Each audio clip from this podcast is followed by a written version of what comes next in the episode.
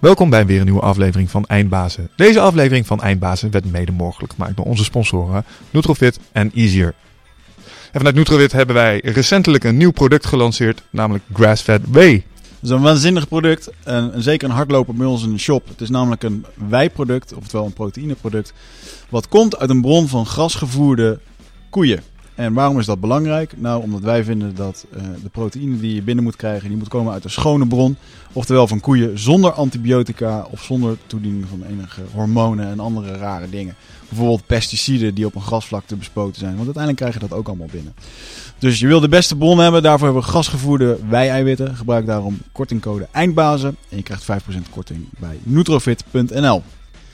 Easier wordt wereldwijd gebruikt door merken en bedrijven om social media te verzamelen, te beheren en om social feeds overal te tonen. Of je nu een sportclub, restaurant, hotel, retailer of e-commerce merk bent, Easier heeft alle mogelijkheden en integraties om de engagement met je publiek aan te gaan. In een handomdraai koppel je elke pagina, account of hashtag uit verschillende social media netwerken. Creëer je eigen huisstijl met onze elegante, responsive voorbeelden. Bepaal zelf welke berichten je wilt laten zien, om tot slot je social media feed door te plaatsen op je website, mobiele app, retail displays, evenementen of stadionschermen. Kijk hiervoor op easier.com. Alright, bedankt voor de aandacht. Gaan we nu snel beginnen met de podcast. Veel plezier.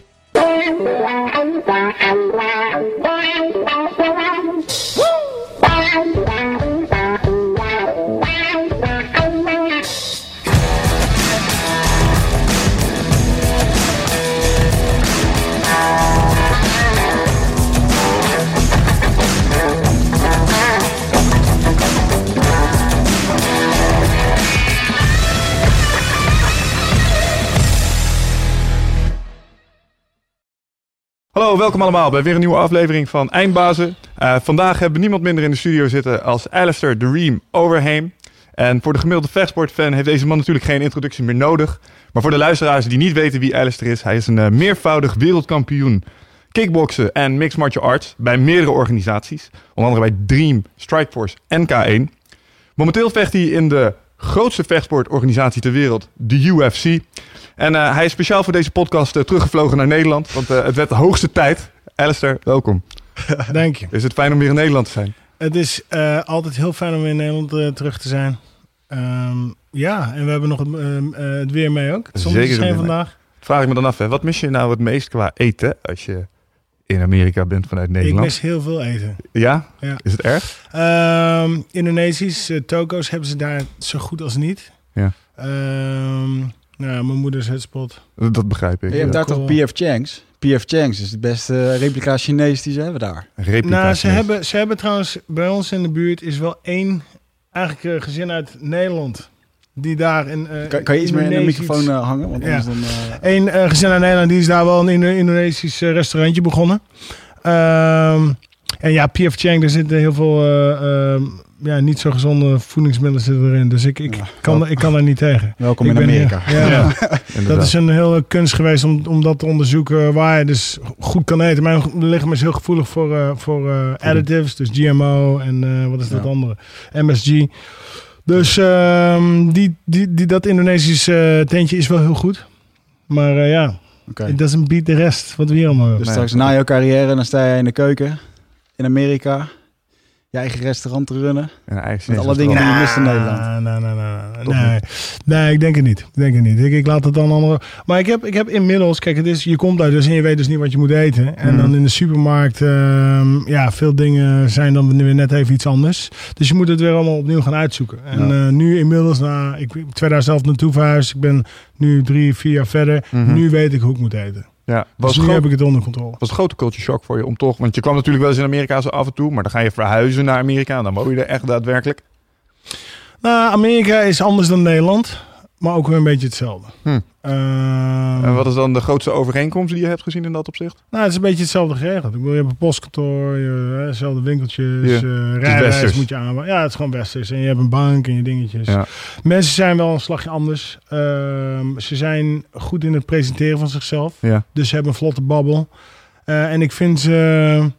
Nou, kan, je kan natuurlijk niet allemaal over een kam scheren, want er zijn heel veel eh, Mm. eh, ja, goede Amerikanen te tegen. Maar i- i- over het algemeen heb ik gemerkt dat, dat ze heel goed kunnen verkopen, heel goed kunnen praten. En toch wat minder in tegen zijn dan wij hier in Nederland. Ja, En ik- dat is, dat is even wennen, want ja, in Nederland, als, als iemand iets zegt, dan nemen we dat aan. En in Mm. Amerika moet je daar eventjes eh, ja, wat meer de tijd voor nemen en geduld. het kwam altijd op mij over eh, toen ik in Amerika was. Als, het is allemaal iets oppervlakkiger. Het is allemaal heel makkelijk met iedereen contact leggen, maar het mist de enige diepgang. Diepgang, Ja, ja. dat is het met name. Nou. Oké. maar Ehm, goed, dat is ook dan wel weer een voordeel in Amerika, omdat je daar veel, makkelijk, eh, veel meer gemakkelijk contacten legt. mhm. Hè, je, het is, eh, ja, je kan daar gewoon eh, tegen ja, iemand aanpraten en dan dat kan bijvoorbeeld in het vliegtuig, ja, dan zit je te kletsen Ja. om je heen. En, Het gaat veel makkelijker. Ja, in Nederland is het iets minder makkelijk om op een wildvreemde af te stappen en een praatje ermee te beginnen. Dat vinden we over het algemeen maar vreemd. Ja. ja dat is dus dat is een omschakeling eh, geweest van mijn kant. Want ik was ook zo van, ja, ik heb genoeg vrienden. Hmm. Als je daar bent, ja, je moet toch weer eh, vooruit. Je moet weer nieuwe vrienden maken en dan gaat tijd, eh, tijd en energie in. Maar was dat in Amerika, ja, echte vrienden maken in een positie zoals jij nu zit met enige bekendheid, lijkt me nog wel eens lastig. Maar ehm, was het ook een verschil om daar over straat te lopen en meer herkend te worden? Voor jou? Of was dat in Ehm, Nederland ook wel een beetje gaande? Nou, dat, eh, ik merk dat nu dat ik weg ben naar Nederland, dat ik vaker herkend word. Hm. Ik bedoel, ik, ben, ik heb vanmiddag eh, ben ik wezen shoppen met mijn dochter eh, in Amsterdam. En Ja. dan hoor ik regelmatig... eh hey Alistair, Dat is of hey Badder. Of, eh, ehm, dat is in Dat hebben ze niet helemaal begrepen. Hey, dat is. Badder, Badder. Badder, Badder. Nee, maar ik heb... Ik heb ehm, in Amerika word je dus meer maar het ligt ook maar net aan weer waar. In Mhm. Vegas superveel, LA ook wel. In Miami is het redelijk relaxed nog. Oké, Dus- nice. Want waar zit je nu in de States? Ik woon in Miami. Miami, Miami. Beach. Doe je goed. Is Is het, leuk. is het alles wat je ervan hoopt? Nou, ik ehm, ben daar voor het eerst geweest in 2011. Ja. En, ehm, want ik wilde dus na K1, dus 2011, wilde ik, zat ik altijd te denken, ja, ik moet naar Amerika, want daar ligt een beetje de toekomst. Hè? Mhm. Trainings, sparringspartners, trainers. eh, daar, de markt is verhuisd naar Amerika. Ja. En Miami is de eerste stad geweest die ik heb bezocht. En toen vond ik het eigenlijk niet zo leuk. Want? Ja, ik weet het niet. Ik zat in een hotel en alles was een beetje ver. En het is ja, natuurlijk, Amerika, alles is groot. Groot. Ja. Je kan niet even, oh, ik ga even lopen. Nee, je hebt auto. over alles Ja. heb je een auto Ja. nodig. En ik zat op zich wel goed. Ik zat in Miami Beach ook. Eh, eigenlijk niet zo ver van eh, waar ik eh, nu woon. Ehm, nou, en ik was... Kijk, als je de plekjes niet weet, natuurlijk is het dan niet leuk. Nee. Dus en ik dacht gewoon, ah, is dit het? Nou, ik vind er niks bijzonders maar Ik had er meer van verwacht. Ja, als vakantielocatie is het leuk, maar om er echt te wonen... Ja, maar goed, nu dat ik er dus wel woon, hm, vind ik het dus wel te gek. Ja. Want nu ken ik de plekjes, je leert wat mensen kennen. eh, en ja, vriendschap, eh, daar moet je ook in investeren. snap ik. kost tijd en energie en dan nog voor altijd. Je kan Mm. niet eh, meteen na zes maanden zeggen, nou, dat is een vriend of wat dan. Dus ik ben daar ja, erg mee bezig geweest. En nu na twee jaar kan ik wel zeggen, ja, ik heb wat goede vriend, vriendschap opgebouwd. En ehm, ja, het is leuk. Veel te doen, veel te zien, lekker weer. Ik woon aan, aan het strand, aan zee. Dus Fantastisch lekker 's ochtends uitzicht. joggen met zonsopgang. Dus je wordt nu uitgenodigd voor de buurtbarbecue en eh echt op zijn Amerikaans. Of, eh, is dat Nou, wij nodigen mensen uit, want we doen hem bij ons thuis. Ah, Oké, kijk. Kijk, Nederlands. Hey, Nederlandse cultuur meteen even introduceren daar. Leuk. Ehm, wat, je, wat je zei is, eh, nou, je komt naar Amerika en dan is het natuurlijk lastig om meteen eh, eh, vriendschappen op te bouwen. Dat. Maar je hebt natuurlijk wel daar een heleboel mensen moeten leren kennen om je weer helemaal opnieuw te oriënteren op bijvoorbeeld ook gyms of waar je wilde gaan Ja. trainen. Dat is wel een, Ja. wel een hele route geweest, denk ik zo. ja, dat is een hele route geweest. We hebben wel wat, ja, zo wat water door de Rijn gegaan.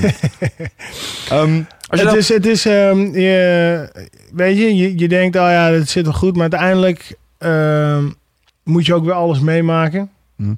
Om weer uiteindelijk goed op je plek te komen. Mm. ja, Dus je denkt, oh ja, oh kijk, het zit goed, het is makkelijk, maar het is nooit makkelijk. Het is altijd, je moet er altijd eventjes doorheen. ja. En dan uiteindelijk... Als het komt goed lijkt om waar te zijn, dan is het dat vaak ook. Ja, het kan niet te makkelijk gaan. Alright. Ehm, nou ja, we hebben natuurlijk allemaal eh, je laatste partij gezien. En je zou wel kunnen zeggen dat je in dat opzicht behoorlijk goed terecht bent gekomen. Want het was natuurlijk een, was een mooie pot om naar te kijken. Eh, liep volgens mij ook lekker. Eerst van de eerste dingen die mij opviel is dat je heel erg ontspannen daar stond. Had je zelf ook het gevoel dat je ontspannender was als gemiddeld? Ja, ik was heel ontspannen eh, tijdens de wedstrijd. Ik voelde me ook heel goed. Ja. Ehm, ik was eigenlijk zeker van dat ik hem uit zou schakelen in één of twee rondes. Ik bedoel, zo goed voelde ik me. Ehm, Daar leek het ook heel even op. Ja, en, en, en ook in de stare-down uh, was een uh, grappig moment. Want hij zat mij aan te kijken van ik sla je hoofd eraf. En ja, ja ik zat ook helemaal aan te kijken van nou wacht jij maar uh, ronde 1, ronde 2. Dus dat was een leuk momentje. Terwijl, ja, er gebeurde niks. Mm. Maar in onze, in onze blik, in dat energie, was voor hem en voor mij heel veel uit te halen. Ja. Um, dus ja, maar goed, ik kan ook wel zeggen dat die wedstrijd is. is, is ik, ik, werk nu, ik zit nu dan bij Greg Jackson. Mm. Ik werk ook uh, met de hoofdtrainer van de FPA, Azad. Um, en eigenlijk, ik, ik train bij meerdere trainers. Ik train gewoon open. Ik ga nu zo meteen weer een maand naar Thailand. Ja. Dan nodig ik heel veel sparringspartners uit en trainers. En ik train gewoon met iedereen open. En um, de wedstrijd die je tegen Roy Nelson hebt gezien, dat is een opbouw geweest van, nou, ik denk, eigenlijk na Travis ben ik, heb ik alles omgegooid. Hm. Um, ja, weg bij de Black Zillions, gewoon mijn eigen ding gaan doen. En dat aangevuld met Greg Jack Jackson en wat, hè, wat dat team met zich meebrengt. Dus Mm. onder John Jones, Losky, uh, nou, al die gasten daar, uh, Cowboy, Ja. uh, Carlos Condit. Dat was het resultaat wat je zag. Zit de match tussen jou en Greg ook in het feit dat hij... eh, Van jou weet ik dat je wel... Je vindt het prettig om na te denken over wat je gaat doen in je pot. Je hebt vaak een, een goede gameplan. En je houdt van gedegen voorbereiden daar uh, ten tonele waarschijnlijk. Greg staat er ook om bekend dat het wel een goede strategie is. Daar de match met name in bij jullie? Die goed kunnen heel plannen. erg, heel erg. Hij is uh, heel intelligent, heel rustig, heel relaxed. Hm. Um, kijk, je leert hem natuurlijk beter kennen. Hij is een soort van legendarische coach. Hè? Uh, Ja. ja, je, je weet, je- ik wist eigenlijk niet zoveel van hem af. En ik wist ook niet, uh, niks af van uh, Albuquerque. Maar goed, nu dat ik daar onder andere alweer een jaar zit, Mhm. uh, bijna. Ja, hij is, hij is, hij is heel, heel relaxed. Heel relaxed, heel intelligent. Een soort Hm. van hippie. Hij lijkt Een beetje van eh, hippie. de... Een soort van hippie. En de mensen daar in Albuquerque zijn ook heel open. Daar kun je gewoon gesprekken mee voeren. Uh, kijk, we hadden het net al over uh, Amerikanen oppervlakkig. Mm. In Albuquerque zijn ze wat echter en wat meer Authentiek. vernederlandst. En hij ook. Hij is gewoon heel open. Heel, uh, ja. Ik kan met hem over alles praten. Over uh, homo's, over uh, marijuana, over Ja. uh, politiek. Merk je nog een iets wat uh, conservatistische houding bij die Amerikanen zo af en toe dan? Dat je als Nou, Nederlander toch echt wel iets open-minded Het bent? ligt aan waar je, waar je bent. Oké, ja, Denver, Colorado, daar zijn ze met z'n allen inmiddels ook allemaal. Maar dat is New Mexico dus weer niet. Of Nee. uh, de, de, ook. New Ja. Mexico ook. Ja. Dus, eh, dus sommige staten wel en andere staten weer niet. Ze zijn, Sommige ehm, steden en, en, en streken zijn ze heel erg gelovig. Mhm. Dus dat is allemaal gewoon Bijbel en eh, geloof. ja. Ja. Dus ja. Ah, maar dat hebben we hier in Nederland natuurlijk ook wel. Eh, maar Maar het is anders. extremer. Alles is extremer in Je Amerika. zit daar zo snel afgezonderd. Als je daar op een stuk woestijn zit wat gelovig is, dan zit je ook echt daar op een stuk woestijn wat Mhm. gelovig Maar die is. gelovigen zijn wel anders hoor. En ehm, ook zat ik in een kerk een paar, ma- een paar maanden geleden. Ja, ik had een vriend. Ik zei, ja, ik wil dat je mee gaat naar mijn kerk. Ja, ik sta open voor nieuwe eh, ervaringen. Ja. Dus ik zei, is goed, ik ga met je mee naar de kerk. Leuk. Nou, 20.000 man in die kerk. Dat was nog leuk ook. Ja. Maar, Oh, eh, Ik ben ook wel eens met iemand mee geweest. eh, dat was een voorganger. eh, in de- 20.000 man in een kerk? Bedoel je dat bij wijze van spreken? Of is gewoon zo'n megachurch. In eh, Texas was het. eh, Oh joh. Dus, eh, Ja, daar hangt wel een sfeer, hè? Je, je, pa- ook, al- ook al ben je niet gelovig of religieus, eh, toch de vibe die al die mensen daar uitstralen, als ze met z'n allen hun geloof aan het toch betuigen zijn, dat, Ja, dat het is heeft gewoon iets. een community gevoel. Ja. Ik bedoel, ja. En ik ben niet geloof. Maar ik kan Nee. het wel... Ik, ja, ik ben van de ervaring. Sterk. Mooi. Ehm, Ja, wat wil je vragen, Richard?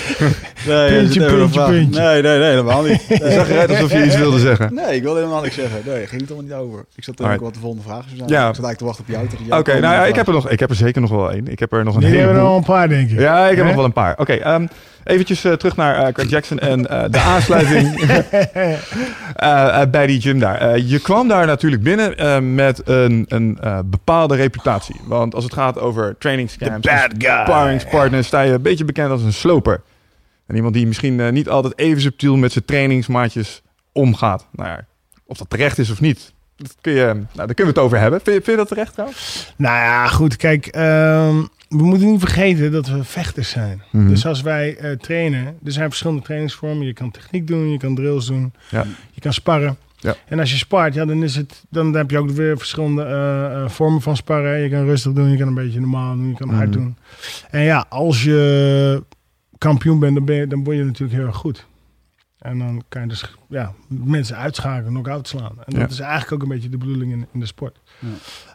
Ehm, ja, en als je met me spart, nog goed, dat weet je zelf ook wel. Ja, dat weet ik zeker.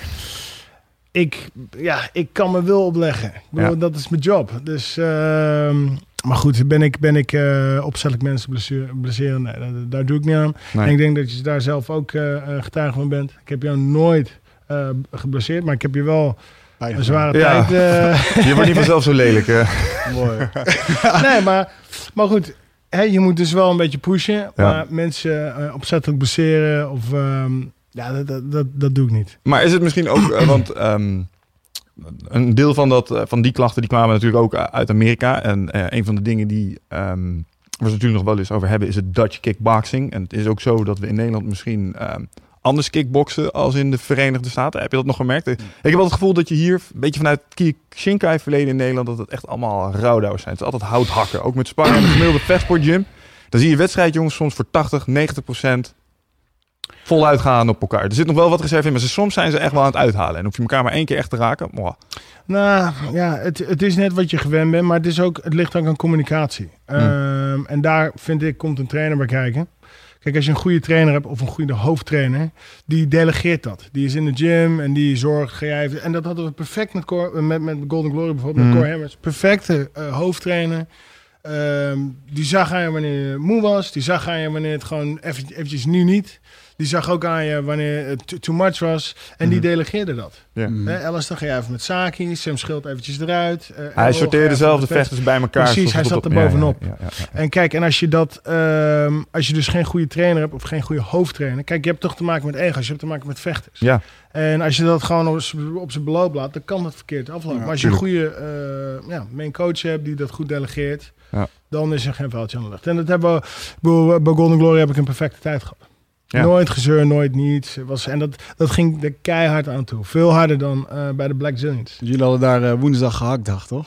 Ja, maar op maandag sparden we. Op woensdag was het gehaktdag. Was het alleen maar sparren. Tien rondjes. En uh, ja, als iemand neerging, dan was er niets aan de hand. Hè. Dan ging gewoon opstaan. Uh, gewoon, nee, en er was nog steeds een team. We waren in Japan met z'n allen in Thailand. Ja. Dat was gewoon uh, ijzersterk. En, en kijk, je wordt natuurlijk ouder. Cor Hemmers was gewoon een hele goede main coach. Ja. Die delegeerde dat, die zat er bovenop. Mm -hmm. En hij heeft soms ook wel eens ingegrepen.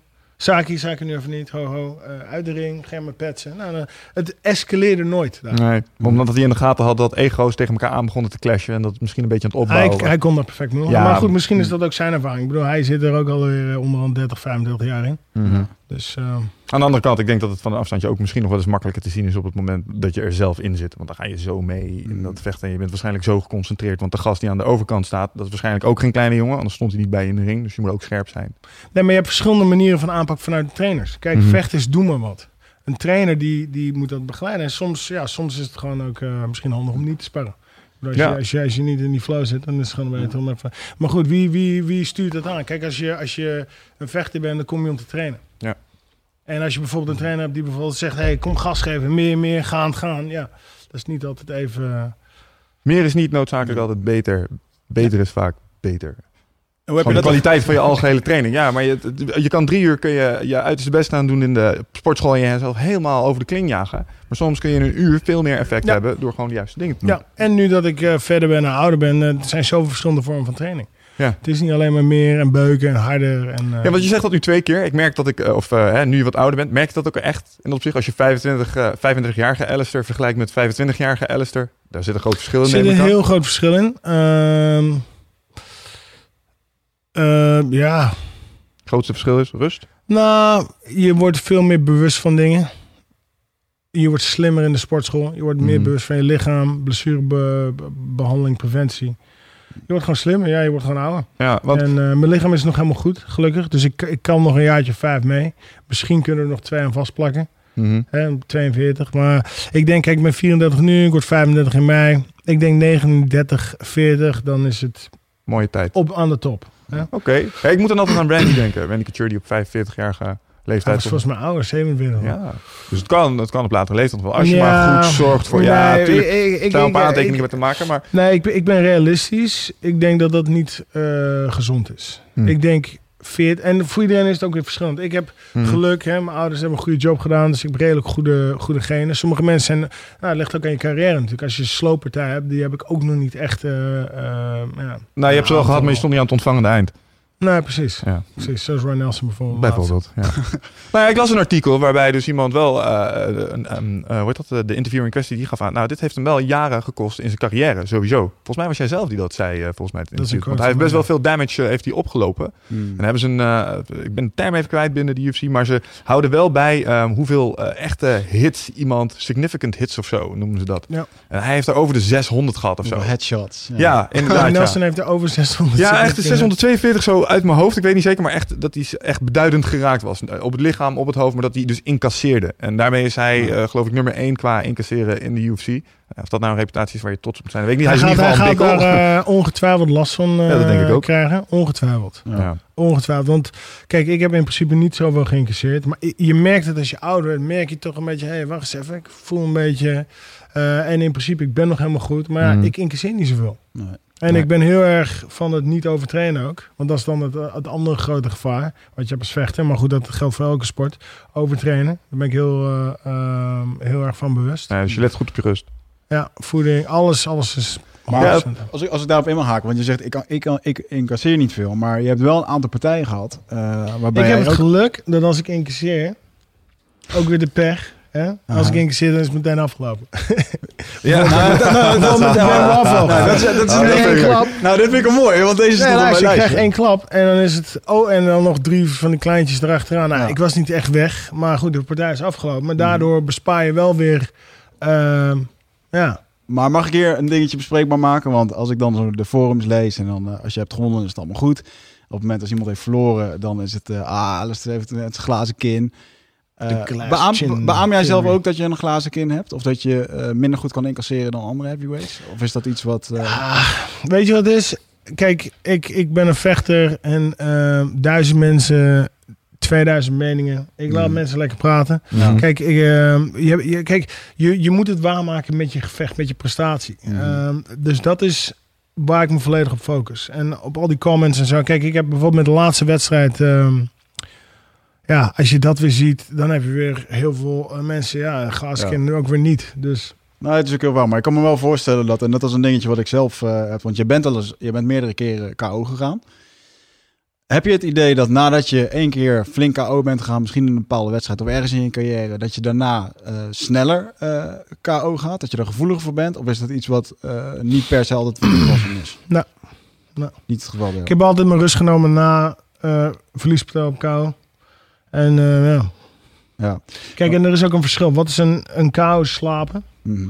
En je hebt ook TKO, dat is technisch knockout. Ja. Dat is niet echt slapen. De, Ja. Bijvoorbeeld Rafa was een TKO. Ja, ik was niet weg. Ik weet alles nog. Ja, ja, ja. Eh, maar na een KO, als je echt weg bent, dan moet je ook even rust nemen. Dan moet je ook eventjes niet in die sportschool meteen. Nee. Gewoon je rust pakken. Ja, En dan... ook eh, voor je hersenen is dat ja. eh, aanzienlijk Ja. beter. Want dat lijkt mij het engste, het grootste risico en tevens het meest enge risico wat je loopt als professional vechter, is dat je zoveel schade op je hoofd incasseert dat dat echt iets doet met je ja, intellectuele elke, vermogen. elke, elke impact, eh, hoeveel hersencellen eh, sterven eraf. ja. Dus sterven wel wat hersencellen af. Ja. En eh, dat kan ook met sparren gebeuren. In de, in de wedstrijd eh, is het natuurlijk net even iets harder. Ja. Dus je moet daar voorzichtig mee zijn. Nou, het bouwt over de loop der tijd op. En we kennen natuurlijk allemaal wel eh, voorbeelden, ook in de Nederlandse vechtsport wel, van mensen waarvan je gewoon kan merken, in de manier waarop ze praten bijvoorbeeld. En Wie, uit- wie doe je hierop? Nee? Ja, wie? wie namen Michel. Nee, nee, ik laat me daar niet toe verleiden.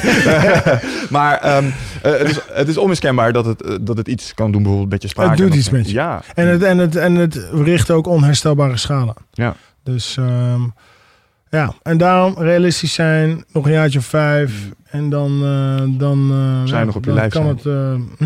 Zou je nog op je lijf zijn? Ja, heel Ja. erg. Want, Want, je, want zei daar net aan het begin, en dat eh met betrekking tot voeding, je bent erg gevoelig voor eh, additives, dus GMO's. En je had er nog een die ik niet eens eh, eh, kende. MSG en ehm, ja, wat heb je nog meer? Al die, al die spullen die ze in voedingsmiddelen stoppen om Mhm. het dus zogenaamd lekker te maken. Ik, eh, dat gaat niet lekker. Dus PF Chang bijvoorbeeld. Ik heb daar gegeten een aantal keer. Oh, De eerste keer was goed, lekker, gebikkeld, gesmikkeld. En ehm, als ik daar nu naartoe ga, bijvoorbeeld na een training, hard getraind, dan heb ik dus heel erg veel honger. ja. Dan Carbs. bestel ik whatever en dan neem ik één hap en dan is mijn honger meteen weg. Mm. Omdat je weet dat het troep is. Nee, want het is niet, ehm, eh, het is niet, eh, ik ben niet, ik, ik weet niet wat daarin zit. ik heb geen, niks gelezen of, eh, of een menu gezien. Maar mijn lichaam reageert erop dat mijn honger meteen weg is. Oké, dat is niet goed. Dus ik kan dat soort dingen niet eten. Dus dat, daarvoor is het een extra zoektocht geweest. eh, ja, wat kan ik wel eten en wat kan ik niet eten. Ben je altijd zo gestructureerd met je voeding bezig geweest? Nou, in Nederland is het eten gezond. Een stuk gezonder. En in Hmm. Amerika stoppen ze er bijna overal... Al die ketens Hm. willen goedkoop doen, dus die stoppen er spullen bij. Ja. Dus ik eet in Amerika bij heel veel lokale kleine restaurantjes. Bijvoorbeeld Ja. we hebben een hele lekkere Cubaan om de hoek zitten. Super lekkere skirtsteaks. Oké. Daar ga ik vaak. Nice. Maar ik hoor in ieder geval niet dat je het, in ieder geval je maakt het niet, je prepareer je ook nog je eigen eten. Dat je echt, het zie vechts ook soms, ze, ah, eten voor een hele week aan het maken, al die bakjes en dat Nee, dat doe ik niet. Dat Want na niet. trainingen, eh, toen we nog in Deventer trainden, eh, toen zag ik je ook regelmatig, want dan zat je weer zo'n bakje naar binnen te schuiven. Maar was zelfs dat was gekocht, hè? Dat was gewoon Ja, dat toko. kwam uit blikjes. Gewoon een toko bij mij om de hoek. Oké, ja, nee, goed. Als het werkt, dan werkt het. Ik bedoel, je bent Ja. er uh, misschien een dat, jongen misschien dat mijn vriendin... eh, kijk, ik maak wel heel veel eh, zelf thuis klaar. Maar dat doe ik niet zelf. Dat doet me of mijn vri- vriendin of... eh, ehm, ik heb daar een fysio voor. Die Mhm. gewoon mijn eten klaarmaakt. Die gewoon met me mee is op uh, Ik trainingskamp. heb daar een visio voor. Zei dat nou? Ja, gewoon een fysio. Schijnens geen voedingsdeskundige. Ah. En die maakt mijn eten klaar, s ochtends, voor die hele dag. Ideaal. Gewoon elke dag. Dus Oké. niet voor de hele week. Is dat iets wat eh, Greg Jackson en zijn team aanbiedt? Of is dat iets wat jij persoonlijk hebt aangetrokken? Eh, dat doe ik zelf. Oké. Want Greg en niet iedereen daar... ehm, ehm, ja, oké. Heel veel zijn dan wel bezig met weight cutten en zo. dat is dan weer anders. Maar ik moet het doen vanwege... Omdat mijn lichaam al die... Ja, anders kan ik gewoon niet eten. Ja. Ja, omdat je... En dan ben ik straks eh, een lightweight. Dat zouden we niet willen. Ik ik ben daar weer iedereen op het dak. Dat vind ik eh, wel mooi, want lightweight. Want toen ik jou, eh, volgens mij, de eerste keer dat ik jou eh, interviewde, toen deed ik, schreef ik af en toe stukjes voor Ultimate Athlete. En toen voeg je Lang volgens mij nog op 85 kilo eh, in, eh, was in Hooi volgens mij, tegen uh, Stavlas Nushik volgens mij, die er toen bijvoorbeeld met een knie. Stanislav, dat was 2001. En die wedstrijd was ik 95 kilo. 95, oké. Ja. Ehm, ja, Viel nog wel 95. mee dan. Ja, want dat was nog redelijk, en redelijk daarvoor nog. Eh, want toen vocht je nogal in Japan bij Rings. Ja, ik heb, ik heb, even kijken. Mijn eerste kickboxwedstrijd was ik 85 kilo en toen was ik 17. Oké. toen vocht je voor Pancration, hè? Bij Chris Dolman, klopt dat? Nee, nee, nee, dat was gewoon lokaal, Amersfoort. Ehm, Je moet ergens beginnen. Ja, ja, en natuurlijk. even kijken, toen was ik 17. Toen vocht ik een jaar daarna mijn tweede. mijn eerste grote wedstrijd in Nederland was voor It's Showtime. Mhm. Tegen Ricardo Verjeet. Op het Ja, afscheidsgala van eh niemand minder dan Rob Kaman. cool. Ja. Eh, nou, die wedstrijd eh, ging supergoed. En van aanleiding daarvan werd ik uitgenodigd eh, door Chris Dolman om op Rings Japan te vechten. Ja. Ehm, die wedstrijd ging me zo goed dat ik meteen een contract aangeboden kreeg. En dat heeft de balletje doen. En toen dachten we, hier moeten we iets mee. Ik of jij? En jij? Hoe was dat eigenlijk in die begintijd in, in, in Rings in Japan? Want toen ging je met Chris Dolman en eh Gilbert Iver vocht toen. Gilbert Eiffel. Had je nog Eh, Chris Hazeman en dat broer, jongens die Chris? Hazeman en die Lee- Japanners. Lee Lee, Hope, volgens mij. Hasdel. Eh, Lee dat was een... eh, Volkan. had, ehm, weet je nog meer? Je had die Rus had je. ja, en, Fedor is er ook groot Mm. geworden in Rings. Die kwam iets later. En, In het begin had je die Russen, maar daar was ik totaal niet van onder de indruk. Maar hij was een beetje de tweede lichting die kwam die anders was. Ja. Ehm, Want eerst de eerste lichting Nou, de waren eerste opgewarmde lichting- lijken en de nou, tweede de, eerste lichting, ehm, eh, de eerste lichting was met open hand toen. Oh, ja, dat hebben we ook nog En gehad. dat was om de grapplers en worstelaars een, een grotere kans te geven. En Ja. dat werd op een gegeven moment geswitcht voor met handschoenen. En dat was eigenlijk de tijd dat ik erin kwam. Dus voor de luisteraars die het niet kennen, je had vroeger verschillende MMA-systemen, waarbij eentje in eh, Japan populair was, waarbij je eh, alleen met open hand elkaar mocht slaan. Mocht je de wel bekende, eh Bob Schrijver noemde dat altijd wangvledders geven. En er waren sommigen ook heel erg succesvol in. En pas later zijn eigenlijk de handschoentjes gekomen. Of een mix, dat je mocht kiezen. Die zijn er ook nog geweest. Ja. En eh, eh, mijn handschoenen eh, is volgens mij het beste bij jou, hè? Uit, eh, uit de bus Ehm gekomen. handschoenen is beter bij mij. Maar sowieso, je mocht dan op het lichaam eh, met vuist. Ah ja, Dus het was een soort QC King. eh, en dan op het gezicht met open hand. Ja. en ze hadden scheenbeschermers om en eh, kniebeschermers. Schoentjes ook. Sommige bonden mocht je zelfs eh, kiezen of je bijvoorbeeld... Ja, schoentjes, daar zat ik aan te denken. Schoentjes, mijn mocht je broer kiezen of je worstelschoenen aandeed of niet. En als je dat dan deed, dan mocht je op sommige bonden mocht je weer geen eh, trappen naar het hoofd maken. Ja, ik. maar mijn broer heeft heel veel knockouts met eh, schoentjes aan eh, Die had ze wel vaak aan, ja. Die had ze Gewoon eh, naar het hoofd getrapt. Ja. Ja. dat zal bij die bond anders zijn geweest. bij Rings. Ehm, maar goed, dat was dus het, het, het begin, de begintijd van, eh, van MMA. Naast, eh, eigenlijk parallel naast UFC in die tijd, want die, dat was ook sinds 93. Ja, Wat is de beste, de sterkste vorm ter wereld en wie is de sterkste vechter? Ja. En dat was een beetje weer Rings. Zo is het begonnen. Ja ik kan me nog wel herinneren dat uh, ten tijde van uh, Pride, toen Pride natuurlijk in zijn heyday zat en helemaal aan het opkomen was, dat de UFC parallel daar ook uh, groter begon te worden. En toen hebben we natuurlijk nog een toernooi gehad waarbij die kampioenen eens een keer zijn uitgewisseld bij elkaar. Dat is natuurlijk ook erg mooi. Toen heb je er zelf nog tegen Chuck Liddell gestaan. Je hebt echt wel tegen grote, nou, grote enge mannen in de ring mogen staan in dat opzicht. Vraag me dan wel eens af, hè, als je daar dan op terugkijkt, ook op je hele verleden. Waren er nou echt nog gevechten die voor jou de uitsprongen in de zin van, oh, deze vond ik echt van tevoren ongelooflijk Gaat goed? Ja, gaat goed. Zit gas in, als in ik zeg met bubbeltjes. Um, maar zaten daar nog gevechten tussen waarvan je had van, uh, als je er achteraf terugkijkt van, oh ja, dat gevecht, daar keek ik zo tegen op. Maar achteraf viel het me zo erg mee. Even behalve die laatste. Um, ik weet niet, mentaal ben ik altijd wel goed. Ja. Ik, ik kijk nergens tegenop. En um, ik weet niet, ik heb wel zoiets van, uh, mijn winstpartijen zijn altijd wel ja, het gaat altijd heel, wel heel voortvarend, vind ik. Mhm.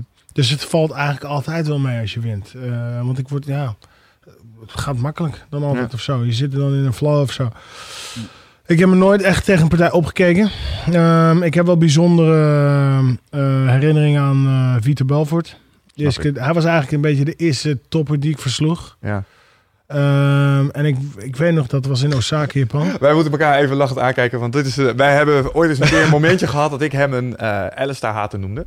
Uh, om de doodvoudige reden dat hij niet geloofde dat jij van Vitor zou winnen. Ik dacht, nee, dit gaat gewoon dit gaat helemaal worden. Vitor Belfort was mijn held. Ja. want het was ook een van de eerste highlight filmpjes op Sharedog. Klopt. die ze daar maakten. En die kon je dan nog downloaden. Dat duurde dan nog vijf uur voordat je een filmpje had. En Vitor Belfort was gewoon een gozer van 19 jaar. Eh, uit, uh, volgens mij komt hij bij Carlson Gracie vandaan. Die kon boksen en jiu-jitsu. Was gewoon uh, mm. Superman. Zoals hij eruit. Ja. En ik weet nog wel dat hij in Pride uh, dat hij aan het vechten was.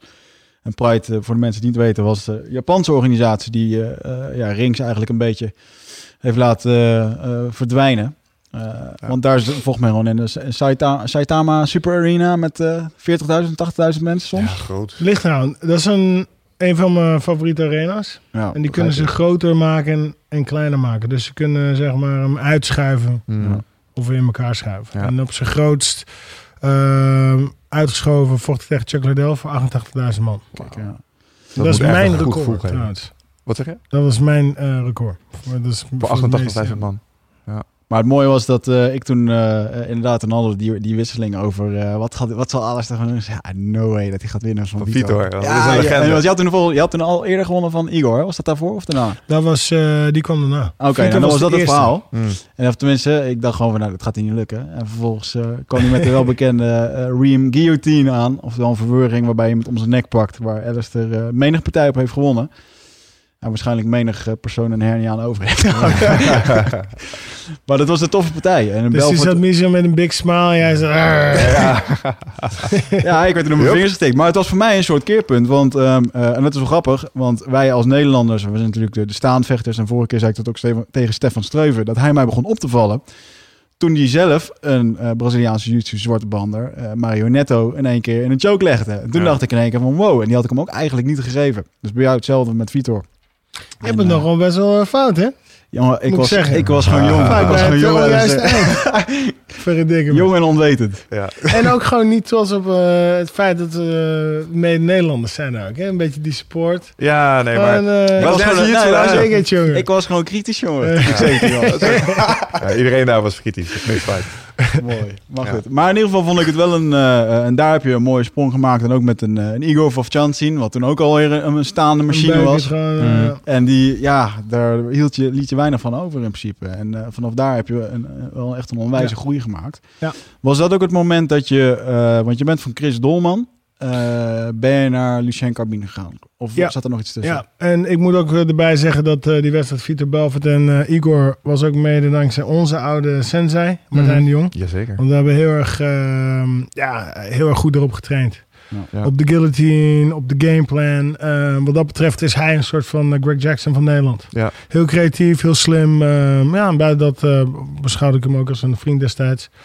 Um, maar goed, jij vroeg, de, Lucien was, stond ook in mijn hoek, ja? Nou, het was weer een beetje de overgang. En dat je toen, uh, op een gegeven moment, weet ik dat je, uh, je kwam toen bij Golden Glory. Um, en ja, ik ben begonnen bij um, Chris Dolman. Ja. Toen ik 14, 15 was. En Peter Homan als kickbokstrainer. Chris okay. Dolman was mijn grondtrainer. En toen ik 20 was, toen uh, heb ik dat eh omgerolen voor, omgeruild voor, eh, ik begin een beetje als Amerikaan, eh, omgeruild als, eh, voor eh, Lucien Carbin Ja. eh, in Zuidoost en eh, Martijn de Jong in Deventer. Want toen je bij, mijn idee was toen je toen bij vooral eh, eh, veel onder leiding van Lucien trainen, eh, dat je staande werk een hele andere dimensie heeft gekregen. Dat we- je welbekende knie in één keer verfijnd werd tot in, tot in de puntjes. En ehm, eh, je hebt de meeste partijen gevochten in je carrière onder het team van Golden Glory, toch? Ja. Als je alles bij elkaar optelt. Elf jaar.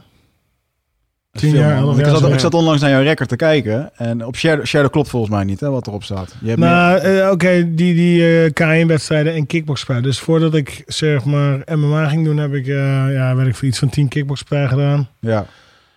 Die staan niet bij. En die K1-partijen staan er ook niet bij. Dus dat uitstapje. Weet je uit je hoofd hoeveel Ja. er waren in totaal? Ehm, ik tel voor mezelf volgens mij 75 of 76 wedstrijden. Jezus. Dat is echt veel. Ja. Dan we moeten er nog een paar bij. gaan Richting de ik, ga 100. even kijken, Ja. hoor. ik pak eventjes je statistieken erbij. Want als ik jou hier zie op eh, het welbekende Sharedoc, wat eigenlijk de grote database is voor alle vechters, dan eh 39 wins, 14 keer verloren. Eh, de wins die bestaan uit 16 TKO's of KO's, 10, s- nee, 19 submissions ook nog en 4 beslissingen.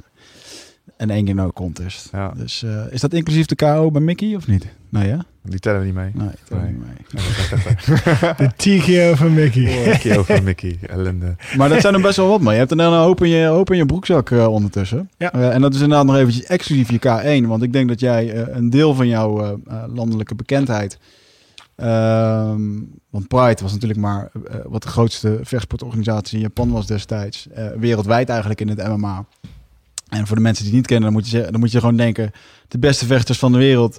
die werden daar ongeacht stijl of gewicht tegen elkaar gematcht. En dat werden gewoon weight. Vette Ja. potten. Dat waren gewoon, de, alles kon daar gewoon. En Ik mis wel Pride zo af en toe echt. Echt wel. Ja, en de als ik de intro alles, tune hoor, alle- dan... alles eromheen. Eh, Ze hadden daar een, eh, ja, een hele getalenteerde art director die Ja. erachter zat. En het was ja, zijn show. En hij wist telkens weer een verrassing erin te brengen. Ja. Super grote decors, spectaculaire openingen.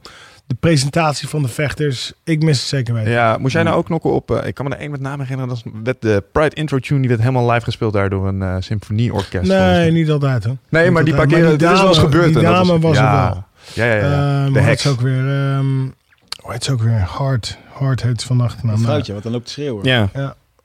Ah, dat zijn van de geflipte heksen inderdaad, ja. Ja, zo'n vrouwtje. Ja, ah, die Zo is gewoon heel tof, Ja, ja, ja. ja. Jaar over 40, zoiets, 45. Nou, dat was wel grappig, want ik heb eens van die backstage shots gezien. En dan liep zij toevallig dat kamertje in waar ze dat moest doen. Dan denk je, oh, dat is gewoon een normale blonde vrouw Ja, die dat ja, geluid ja, weet te produceren. Dat is wel echt, eh, ja, indrukwekkend. Ehm, maar als jij kijkt eh, naar je tijd in Pride, hè, heb je nou ook nog het gevoel dat als je Pride vergelijkt met de partijen in Nederland en wat je nu bij de UFC doet, dat je bij Pride misschien beter tot je recht kwam, omdat je daar een aantal van je wapens, je hebt daar ook wel eens mensen bijvoorbeeld van de grond met knieën beter bestoken. Dat kan bijvoorbeeld bij de UFC niet eh, richting het hoofd. En dan moet je weer met ellebogen. En nou, je knieën zijn toch altijd wel een beetje je ding geweest. Had je ook het gevoel dat je daar misschien beter tot je recht kwam? Of heb je gewoon weten aan te passen op de UFC? Of Nee, je mis moet je wel altijd aanpassen, want omstandigheden eh, veranderen. Dus het is altijd, je moet gewoon flexibel zijn en je aanpassen. En het kan in de toekomst weer veranderen. Ja. Ehm, ik, ik was zelf wel een fan van eh, inderdaad knie op de grond en, en trappen. Omdat het, het spel is dan, ligt dan wat meer open. Ja. Maar goed, je hebt ook te maken met eh, publieke acceptatie.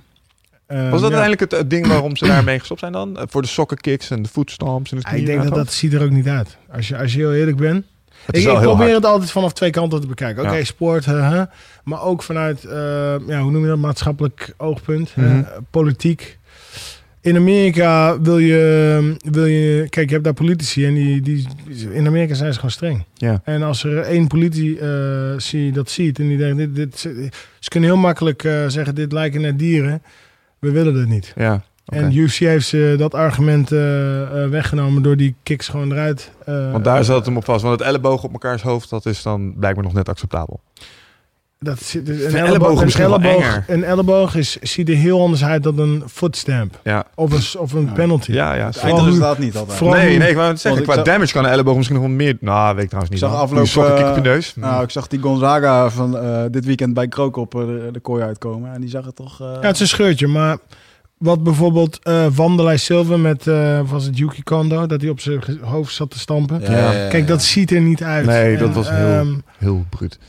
Ik vind het goed dat het eruit is. Ik vind het, ik vind het, laat ik het zo zeggen, ik vind het prima. Voor de Ja, sport is tijden het goed, veranderen. Ja, voor de acceptatie wel. Maar het heeft wel spectaculaire potten opgeleverd, zeg. Non hier. Maar zeker de jongens die daar gewoon letterlijk op die regels, eh, want het waren vooral de shootbox jongens, die eh, shootbox jongens Ja, die in die waren, die, gingen ermee aan de haal. die gingen dat echt eh, gewoon perfectioneren met, eh, je hoeft er daar niet op je rug te gaan liggen, want je kreeg gewoon een hak Ja. in je bek, weet je wel. Hoe dan ook. Jij hebt ook nog trouwens, ik heb toen die Marie Loninja heb ik toen Ik naar, heb er eh, volgens mij ook al een paar gehad. ik heb toen Ik heb er eh, ook een paar uitgedeeld. Vito heb ik Ja, eh, een paar, een paar penalties eh, gegeven, maar ik heb er ook een paar gehad. Ja. Het opent het spel. Geeft het meer, eh, ja, wat meer dimensie, wat meer, eh, wat meer mogelijkheid. Ja, want eh, in dat opzicht eh, heb jij een, eh, jij hebt nog een keer een seminar georganiseerd met die shooterbox doet. En eh, dat Ja, was wel, weet ik nog wel, dat vond ik een interessant momentje. Want jullie waren toen al potentiële contenders van elkaar. En. Ja. wel heel grappig om te zien. Toen kwam Alice er even binnenlopen. En dan zag je Ninja al zo tijdens de seminar zo eventjes opkijken zo. Oh, komt even Maar iemand ik heb met kijkt. Shogun gevochten. En Ninja, hij was... Ja, dat weet ik wel. Maar jullie, jullie zaten wel in dezelfde... Jullie zaten allebei in Pride. Dus jullie hadden potentieel tegen elkaar gematcht kunnen worden. Ja, ik weet nog wel dat ik ja, contacten met jou heb gehad. Want ik had toen inderdaad gezorgd dat hij in Nederland kwam. Seminartje geregeld. Want ik was gewoon fan van hem. Dus dat wilde ik gewoon doen. Hoe oud was ik toen? Denk een jaar of Jong broekie. 17 of zo? Ja. Ik was toen 17 jaar, denk ik. En eh, denk ja, dan kan Vechters iedereen. importeren naar Nederland. Vechters ja. importeren in Nederland. En gewoon eh, ook die shootbox, eh, die, eh, die voetstompen in de seminar laten doen. En toen weet ik wel dat jij belde of je langs wilde komen. En dat ik, toen nog, ik weet nog ook dat ik toen heel een soort van twijfelachtig heb gevraagd... Is het oké dat- hou, je, hou je je wel rustig dan? en, eh, maar het ging uiteindelijk wel, al die vechters onder elkaar. Dat wat veel mensen denken dat het allemaal een hoop agressie is. En altijd heel erg relaxed. En, Met sommige mensen wel, Ja. maar over het algemeen. eh. en eh, dan moet ik wel zeggen dat eh, eh, zeker de taalbarrière en het... het was echt een jongen uit een favela. Ja, dat, dat, joh, hij was gewoon, eh, ja, is gewoon hij was niet heel sociaal, zeg maar. En dat, dat was de taalbarrière ook. Maar het was ook gewoon een soort echte knokker, weet je. ja, wel. Braziliaan met een eh, gebruiksaanwijzing. Ja, ja, Ja. zeker wel. Maar hoe, tof, hoe eh, verder dan? Wat, eh, Nou, gewoon in zijn omgang, een beetje stug, een beetje veel eisend. En eh, ehm, ja, hij had dan een soort manager mee, wat nu eigenlijk een van de grootste managers, Eduardo Alonso. Eh, een manager van Shogun, van Damian Maya. En toen was dat gewoon iemand die fan was van de sport. Die was journalist en Ja. eh, die, deed met heel, die, die was de enige die Engels sprak. Dat was een heel ding. En via hem ben ik in contact gekomen en is dat balletje gaan rollen. En hij zei toen al van, joh, eh, Shogun Rua, zijn broertje, eh, dat is een, een ruwe diamant. Als daar nog eh, met de resultaten die hij nu haalt, ja, kan Mm. nog zo groot worden. En er was toen nog wat oneenigheid omtrent management. En toen eh, zei hij van, nou, ik zou dat management ooit willen doen. En inderdaad, zes jaar, zeven jaar later is hij dat toen uiteindelijk geworden. En toen heb ik hem nog wel eens een keer gesproken. Hij zegt, nou, hij zegt, eh, toen, zoals, zoals die jongens toen met mij omgingen en we hebben gebruikt om overal, eh, hè, want het was gewoon, die jongens gaven een seminar. Die kregen hun geld. Nou, die Eduardo kreeg eigenlijk helemaal niks. Het was gewoon een soort van hulpje mocht erbij. mee. Die mocht Ja. mee. en ja, volgens mij is dat nu wel, heeft hij dat beter afgekaderd voor zichzelf. Maar goed, ja, we zijn allemaal jong en we, we moeten allemaal... Ja. It's a die- learning curve. door die Ja, school, dat snap ik. Ja, die mannen die kwamen toen al eh, seminars geven. en Dat soort. Doe jij dat trouwens nog wel eens? Seminars Ja. geven? Ja, ja, ik heb ehm, even kijken. ehm, morgen eh, vertrek ik eigenlijk naar eh Filipijnen. UFC is daar zaterdag en ik zal daar een seminar of wat dan ook. Ik heb daar een aantal dingen eh, staan. En ik heb een tour staan in Australië. Oh, leuk. Ik weet eigenlijk de datums niet. Maar zijn dat de volgens mij tours 4 die jij, tot eh, 20 ehm, eh, mei. Twee weken lang dus tour ik daar. En eigenlijk van de zomer ehm, ga ik een Europese seminar tour doen. Dus dan zit ik in dat land drie dagen. Ook in Nederland? Ook in Nederland. In Nederland ga ik ze iets, eh, ga ik ze een beetje uitsmeren. Hm. Want ik kom telkens terug naar Nederland. Dus ik ga begin van de zomer. En een beetje halverwege naar een eind. Zoiets. Is Ja, het dat iets is wat, eh, wat de UFC, eh, eh, bijvoorbeeld nu ga je naar de Filipijnen, is dat iets wat de UFC je opdraagt of zo voor een wijze van promotietour? Of is het wat je zelf doet? Of? Nou, ik heb ehm, even kijken. Dat, dat kan. Het kan. Het kan. Het kan zijn dat je in de buurt bent en dan contacteren ze. Hey, als je in de buurt bent, kan je komen. Het kan. Ja, als je ver weg bent, dan niet. Ja. Als je in de buurt bent, dan uh, vragen zij, kan je komen. Ja. Ze dragen je niets op. Het is gewoon wil je of niet. Eh, het is nou wel zo, als je het doet, dan scoor je natuurlijk wel punten Ja. bij die organisatie. Want ze willen natuurlijk wel dat je inzet Promotie en dat soort En het is ook leuk. Ik bedoel, UFC ehm, is, een, is een gigantisch eh, eh, merk inmiddels. Ja. Ze doen het supergoed wereldwijd. Het is ook alleen het is ook in je eigen best wel om je, om je ze daarmee Aan daaraan je bij te dragen. Ja. Ja. deel te zijn van het team. Nou, ik vind dat wel een, eh, vond ik wel mooi, dus dat ik eens over na te denken. Want ehm, zoals ik jou ken, je bent natuurlijk een, eh, eh, eh, een vechter. En ehm, wat veel Pur vechters vaak nog vergeten. Wat zeg je? Per sang. Puur zang. Ja, ja, ja. Nee. Kijk, je bent, een, eh, eh, je bent die vechter, maar een vechter van vroeger, dat was gewoon vaak de sportschoolhouder die ook eh, goed kon knokken. En ehm eh, jij bent een van de eerste lichting eh, jongens die er echt van kon leven, die er echt zijn beroep van kon maken. Maar wat me altijd is opgevallen is dat ehm, jouw zelfpromotie, eh, het merk Alistair Overaim, eh de Ream is altijd gewoon goed neergezet. En, ehm, want je hebt, hè, er zijn documentaires over je gemaakt. Ik weet dat je er zelf in hebt geïnvesteerd. Eh, we kijken op je website. Ja, die ziet er gewoon fucking goed uit. Weet je, Hmm. alles is gelikt. Eh, je t-shirtjes, je merchandise. Ehm, het is wel allemaal, eh, ja, weet je, het is allemaal Af. fancy shit. Ja. En dat bedoel ik op een positieve manier, want ik kijk er graag naar. Eh, maar zie jij, het, zie jij jezelf ook echt als een merk dat je daar aan moet werken, dat je je continu, eh, dat je meer moet doen dan andere atleten om in die picture te staan, zeker nu je in Amerika woont? En is dat ook echt zo de, het doel zoals ik dat nu beschrijf? het, het ligt aan wat je wil. Het is niet voor iedereen weggelegd. Hè? Sommige mensen hebben dat meer in, en- in dan anderen. Mhm. Maar ehm, ik vind het heel leuk om eh, mezelf te profileren. En ik, ik, ik hou van ehm, ehm, jezelf neerzetten op een vette manier.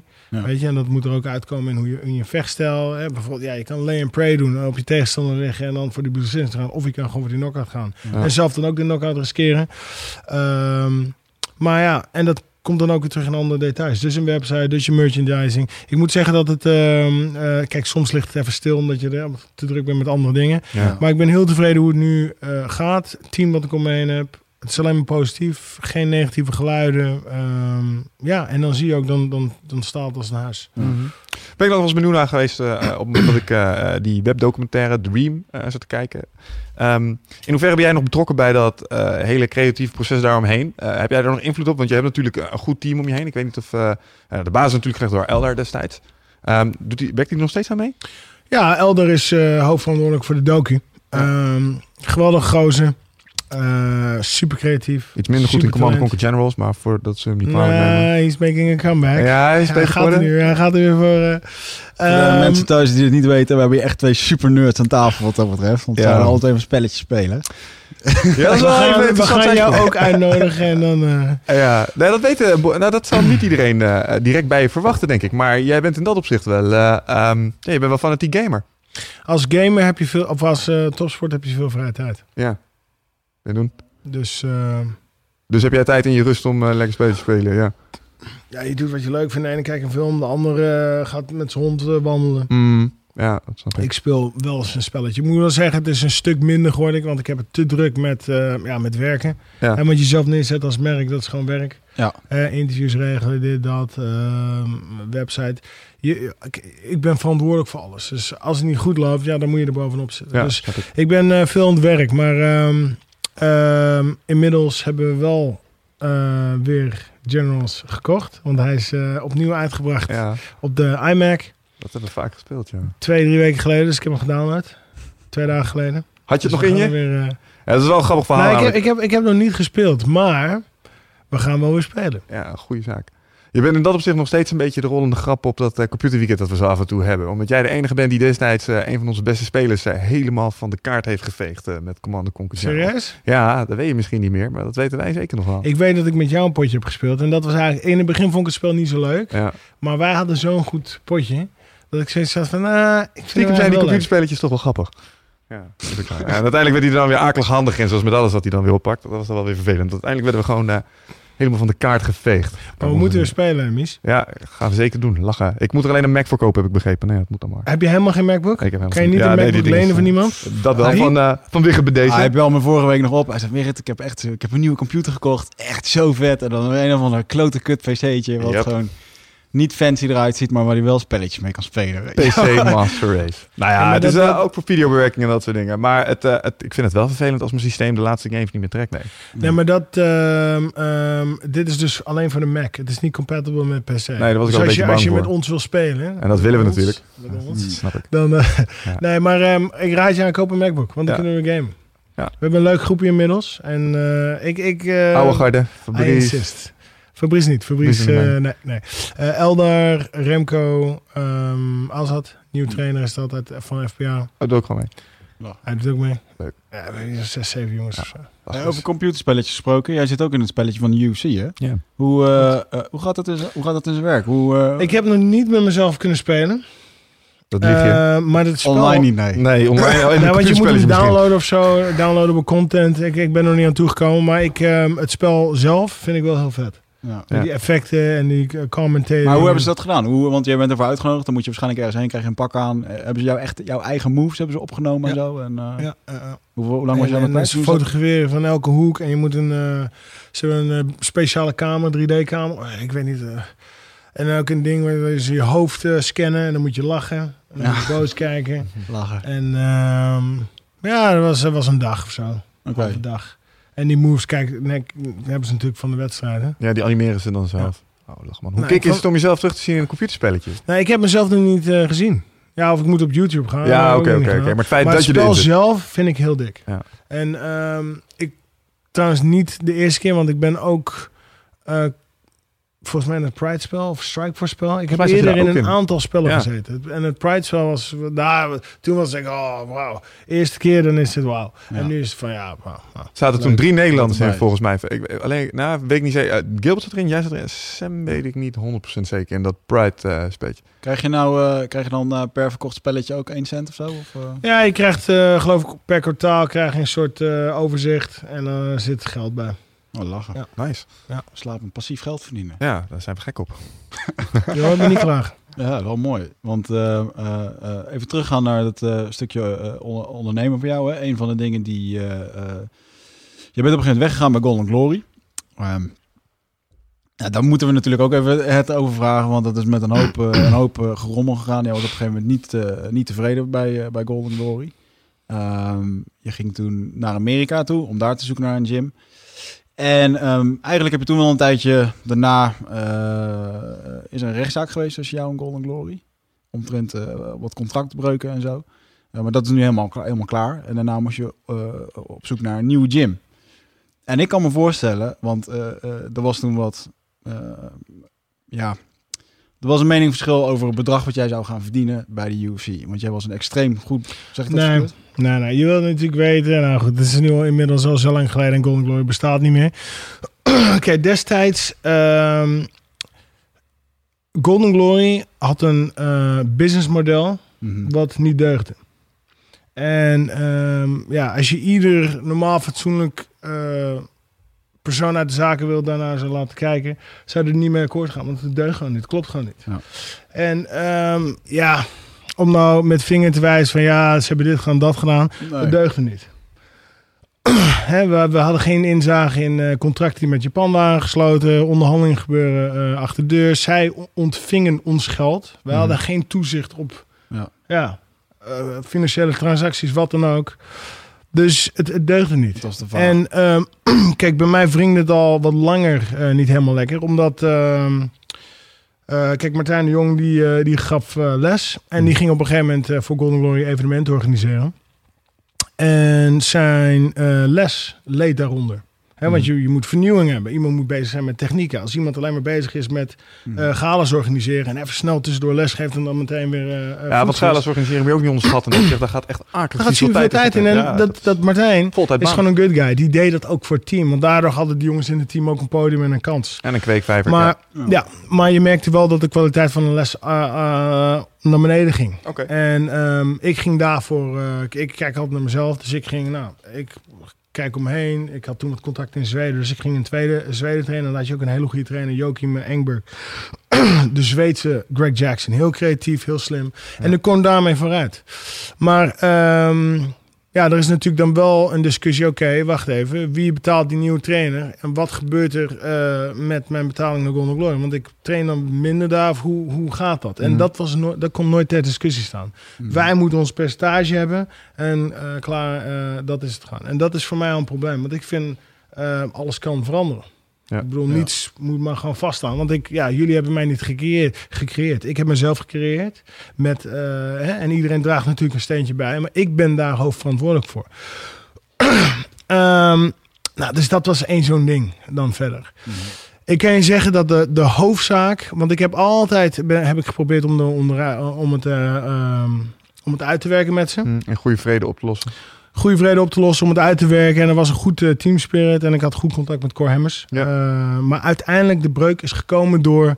ehm, eigenlijk mede ook door de UFC. De UFC betaalt direct eh, rechtstreeks aan de vechter. Zij Ja. wilde niet meer de loesje managers ertussen die het geld ontvingen op eh, offshore eh, bankrekeningen en die daar dus tussen gingen zitten. Dat is een statement zij- van Dana White geweest, de president. Het is een statement van. Dana White geweest. Zij deden niet meer, ze wilden niet meer. Boom, wegwezen jullie. Dus zij betaalde rechtstreeks direct aan de vechter. Mhm. En dat was alarm voor Golden Glory. Want die konden dus toen hun loesje praktijken niet meer doen. Want die konden daar dus niet meer tussen gaan zitten.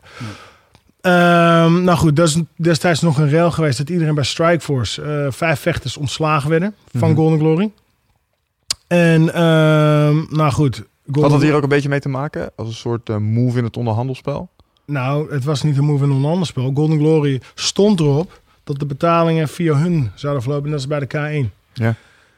Maar eh Dana White was gewoon, eh, nee, doen we niet. En als je doorgaat, dan ontslaan we iedereen. Ja, nee, het moet. En anders vechten we niet. Een beetje mes op de keel. Ja, anders eh, trekken wij onze vechters terug. Dana White, oh, jullie doen zo. Boom, iedereen is ontslagen. Ja, dus toch een move in dat hele spel tussen Dana, UFC, Het is niet de move, want zij, zij, kijk, zij hebben natuurlijk ook verantwoording af te leggen aan de politiek en aan de commissies. En zij Ja. kunnen dat niet doen. Zij hebben de gambling oversight in Nevada en dat is heel strikt. En zij kunnen niet maar zomaar geld overmaken op een of andere offshore. Dus zij konden dat niet doen vanuit zelfbescherming. Ja. En ze willen de, eh, de sport ook opschonen, wat eh, redelijk gelukt is. Dus ze zijn daarmee gestopt. Ehm, nou goed, Golden Glory dacht toen ook al, nou nu zijn we de klos. Want ja, als, we, als Alistair ontslagen is, hij gaat ons dat aanrekenen. En die gaat dan zelf een andere kant op. Dus, dus die, hebben dat, die zijn er toen mee akkoord gegaan. Oké, we gaan ermee akkoord. Eh, eh, jullie kunnen betalen. Maar goed, er, was nog, er waren nog een aantal andere betalingen die gedaan worden. En eh een waaronder signing bonus, tekengeld. Ja. En dat, dat kan als je een topatleet bent van mijn niveau. Dan kun je dus overstappen van organisatie naar organisatie. En er is teken geld mee gemoeid. Mhm. En tot mijn grote verrassing zaten ze te jongeren met contracten. Oké. Dus er was een contract wat ik niet, waar ik niets van wist. Eh, en het ging om heel erg veel geld. Mhm. Mm. Wat ze dus pro- van me probeerden te stelen. En eh, toen ik daarachter kwam, eh, ik kwam erachter per toeval, want ik was in Amerika, dus ik moest het contract tekenen. Nou, ik ben bij UFC naar het kantoor gegaan. Ik zat in LA, ik ben naar Vegas gereden, vier uurtjes. En ehm daar ineens kreeg ik een contract voor mijn neus met een heel ander bedrag.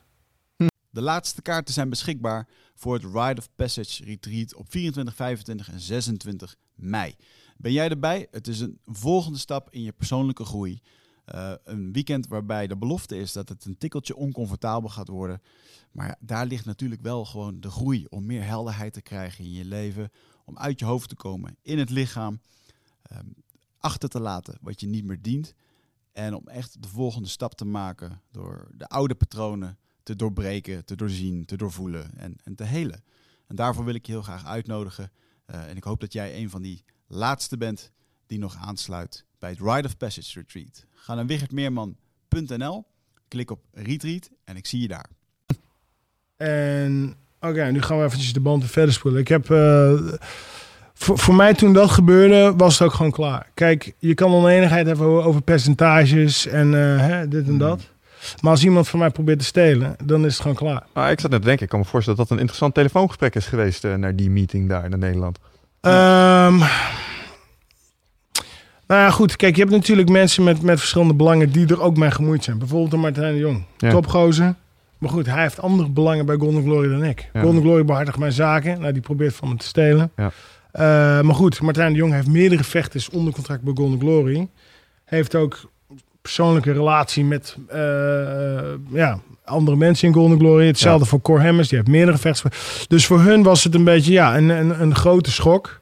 Maar ja, zij konden... En eh, op dat moment moeten mensen kiezen. Ja. En dat is er ook gebeurd. En zij hebben dan zeg maar voor Golden Glory gekozen. Mhm. Maar voor mij was het gewoon eh, ja, klaar. Als iemand van me probeert te stelen, dan is gewoon eh, de koek op. Ja. En ik ben, dan, ik ben dan ook heel kort. Ik ben dan ook heel direct. Ik heb geen zin meer om te praten. Ik heb geen zin meer om... eh, want het is nutteloos. Mhm. Weet je, en, en dan kan ik bot overkomen. Hè? Ja, ze dat zeggen ja. ze vooral in Amerika. Ja, je kan heel bot zijn. Nou, daar ben ik trots op. Ik ben gewoon Nederlands. Als je van me probeert te stelen, dan is het gewoon klaar. Ja, Nou, dat kan ik me voorstellen. Boom. En ik vind dat ik het netjes heb gedaan, want ik heb, eh, ik heb het gewoon voor me gehouden. Ik heb er niet aan de grote klok gegaan. Kijk, nu is het alweer oud nieuws. Golden Ja. Glory bestaat niet meer. Ik heb ze dus geen schade willen toebrengen.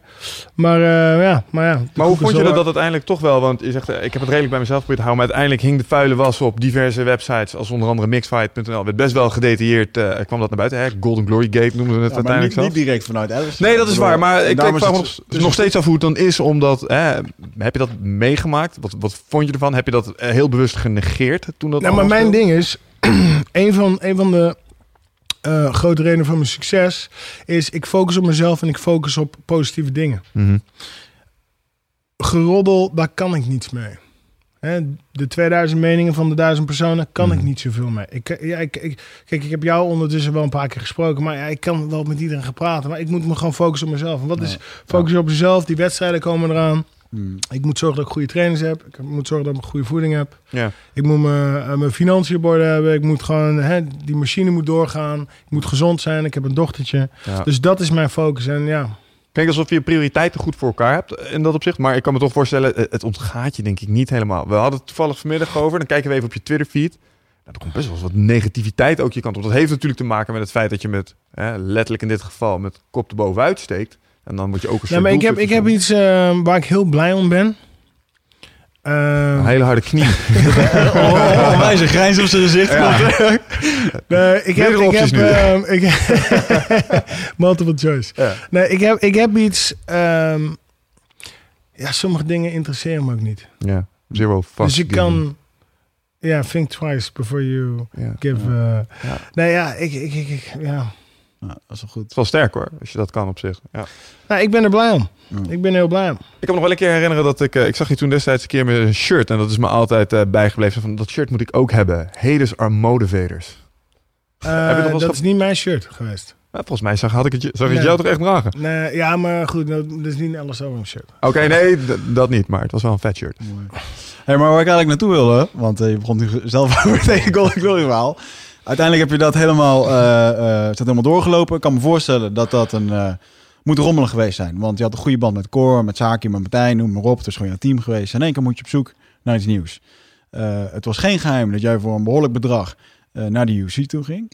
En ik kan me voorstellen, zeker in Amerika, dat elke gym waar jij naar binnen liep, dat elke trainer daar zijn handjes zat te wrijven. Van nou, eh, ja, ook al doet hij maar één partij hiermee, dan, hè, dan kunnen we in ieder geval eh, eh, iets gaan overhouden. Ik denk dat het ook een beetje de Amerikaanse mentaliteit is. Het lijkt mij voor jou ehm, moeilijk om ergens binnen te stappen. En ja, is iedereen wel echt objectief eerlijk naar jou? En, Ja, Klopt. want je hebt best wel wat gyms bezocht toen. Want je bent toen, ja, je hebt gewoon even een tour door Amerika gedaan wat je, waar je terecht kon. Ehm, heb je dat zelf ook zo ervaren? Dat Ja, een je moet, van, je eh, moet, je moet, eh, dat is wat een, ehm, een goede oude vriend me ooit verteld heeft. Je moet altijd scherp blijven. Je moet altijd scherp zijn.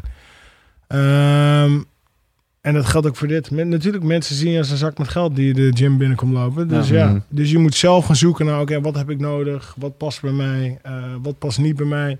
Had je er al een beetje een beeld bij of is dat gaandeweg ingevuld? Met dat je het tegenkomt dat je zegt, ja, dit is het. Nou, en, en dat kan ook veranderen. Want eh, Mm. je kan in het begin denken van, hé, hey, dit is het. En dan op een gegeven moment na een jaar. En dat is een beetje mijn ervaring wat ik heb in Amerika.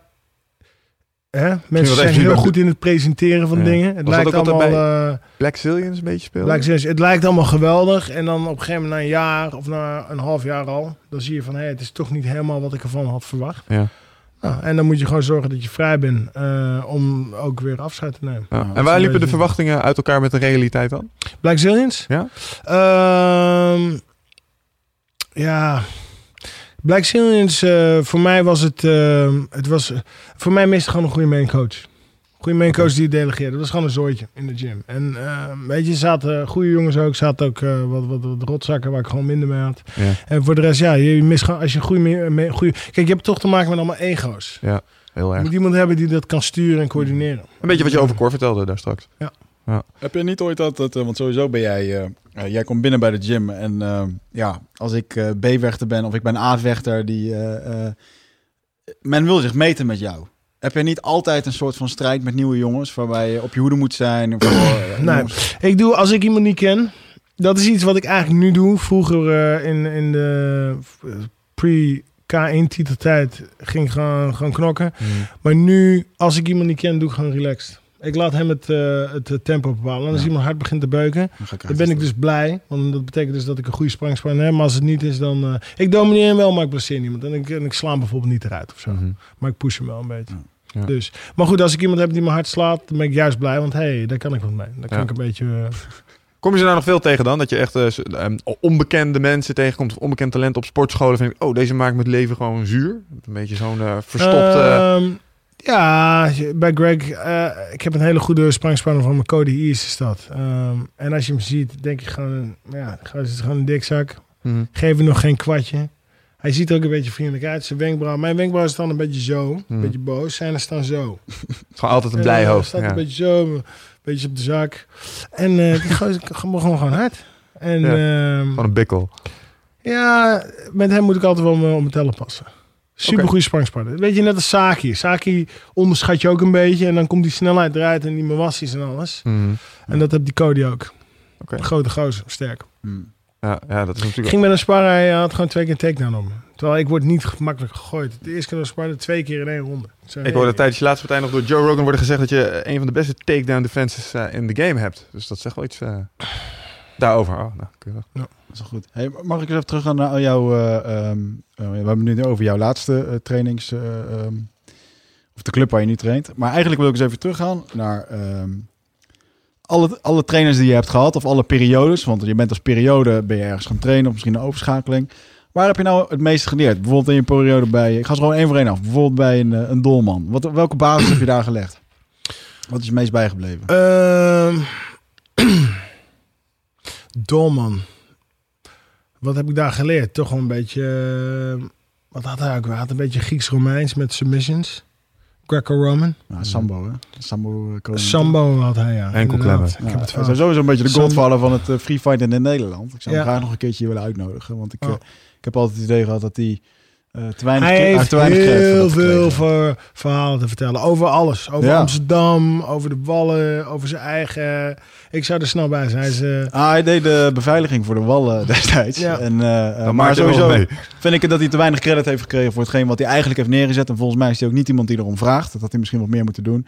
Eh, of, of wat, maar goed, we nodigen hem zeker een keer uit. Ja. Toen in je volgende periode, toen zat je bij Golden Glory, Lucien Cabin, Martijn. eh, wat, wat, wat, heeft je, wat is in die periode goed bijgebracht? Ehm, ja, Martijn toch een beetje, ik zou zeggen, geavanceerd grondvechten voor die tijd.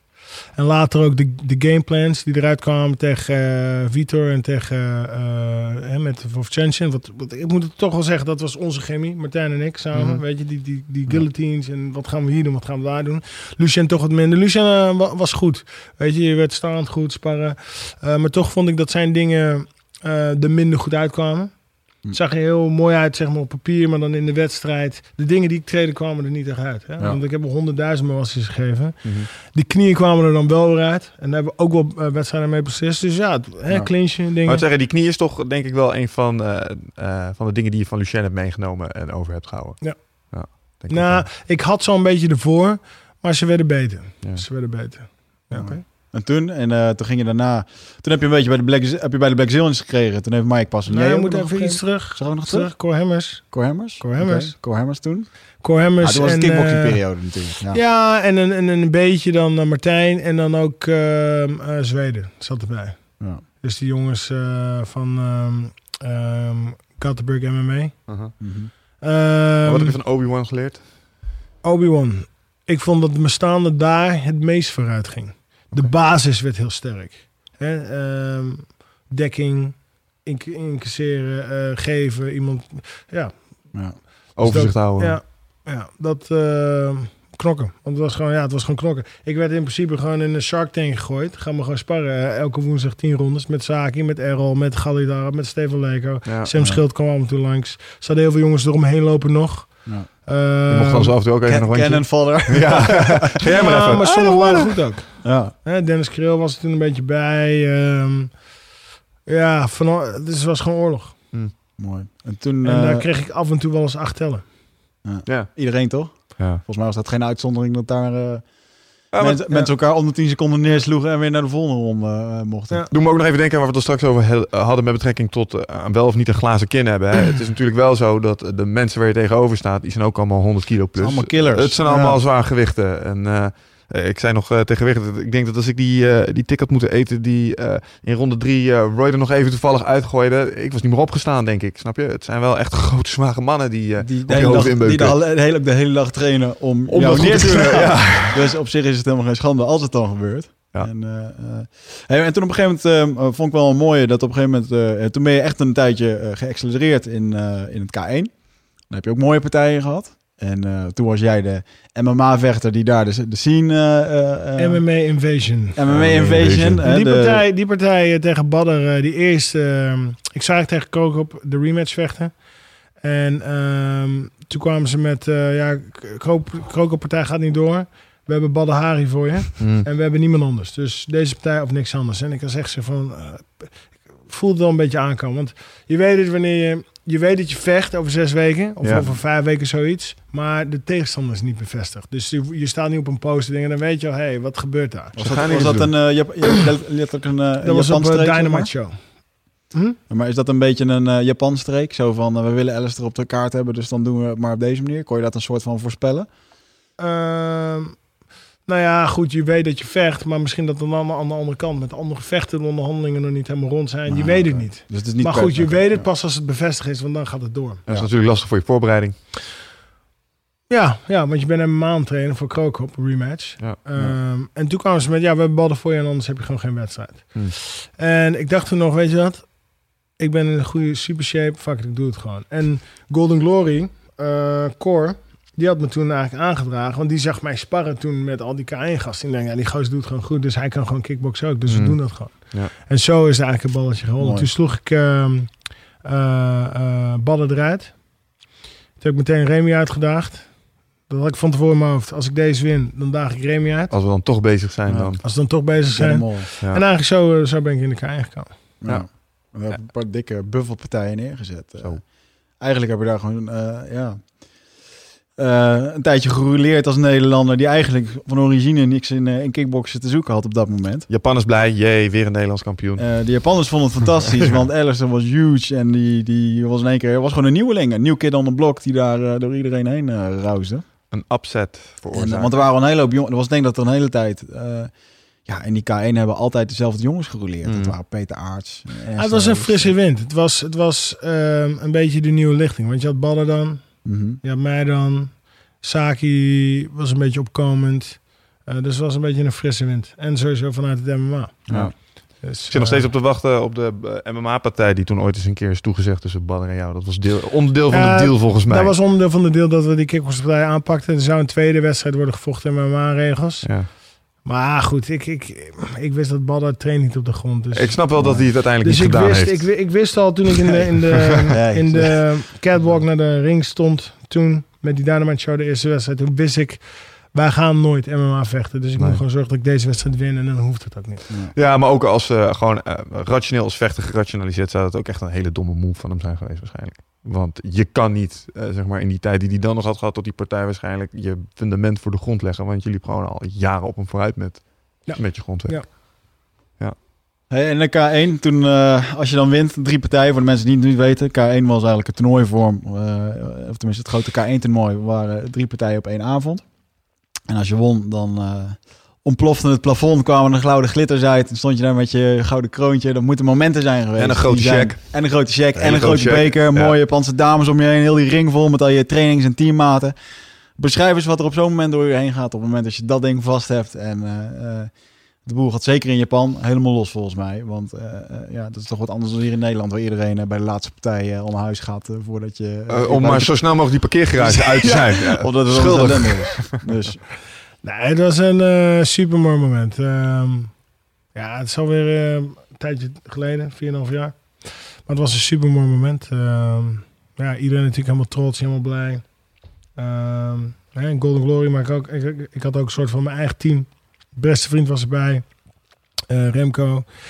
Ja, en het was eh, gewoon een super mooi moment. Ja, een hoogtepunt. Is dat, is dat ook een stuk ontlading die je echt gewoon op zo'n moment nog kan meemaken? Van, oh ja, het is gewoon gelukt. Of ben je eigenlijk gewoon, jezus, wat is juist allemaal gebeurd? Want je staat waarschijnlijk nog stijf van de adrenaline. Kun je er echt van je genieten op zo'n moment? hebt- Ja, je geniet wel. Je bent gewoon blij. Je hebt Ja. gewoon eh, euforie. En daar. ik ben niet van het eh, gillen van alle dakramen. Ik, ik, heb, ik blijf het dan een beetje innerlijk. Mhm. Maar goed, je bent wel heel blij. En je bent, ja... Ja, we hebben jou nog nooit eh, boven op de octagon zitten. Ja, Jawel, toch wel? Jawel. Ben je wel eens opgeklommen? Ah. Toch? Nee, volgens mij is nee. het- je hebt altijd hele coole en dan kijkt hij dan wat die arm Oh, Ja. Had je nog even omhoog. Ja, daar Ja. ben ik. Ik ben in, eh, wat meer innerlijk. Dat heb ik denk ik van mijn broer. Gewoon innerlijk. Gewoon innerlijk eh.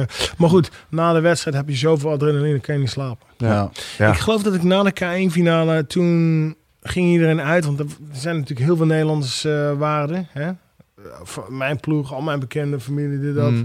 Maar ook van al die andere Nederlanders die vechten. Dus je hebt ja, zoveel Nederlanders. Dus iedereen ging uit. En ik weet nog dat ik toen had, eh, na drie wedstrijden, van eh, ik ben moe. Ik ga naar huis. Ik vind het wel Ik ga naar huis, ik ga naar het hotel. Ik ben toen lekker met die riem neergelegd wat ik hem kon zien. En ik ben gewoon naar bed gegaan. En ik was, eh, ja, ik was moe. Ja, Mooi. Terecht. Hey, en je noemde net je broer. Hoe is het daarmee? Want eh, jouw Met hem gaat het goed. Eh, ja, hij is ehm, officieel retired, maar toch ook weer niet. Ja. Hij komt vaak uit zijn retirement. Ja, hij, hij, hij, eh, hij moet eigenlijk stoppen. Het is, het is leuk geweest hem. Luisteraars die het niet weten, uh, Alice is een broer Valentijn, uh, die heeft ook altijd wedstrijden gevochten. En, uh, Door hem ben ik begonnen. Ja. Ik bedoel, uh, hij me meegesleurd naar uh, Chris. Van je moet discipline leren, dus je gaat mee. Ja. Uh, niet, niet, Ah, niet je had het ook zeuren, nodig? Mee. Nou ja, kijk, dat, dat is een leeftijd. Dan begin je een beetje buiten op straat een beetje te klooien. En uh, bij hem was gewoon hup mee, auto in. Zat ik op de achterbank. Oh. Ik heb geen zin.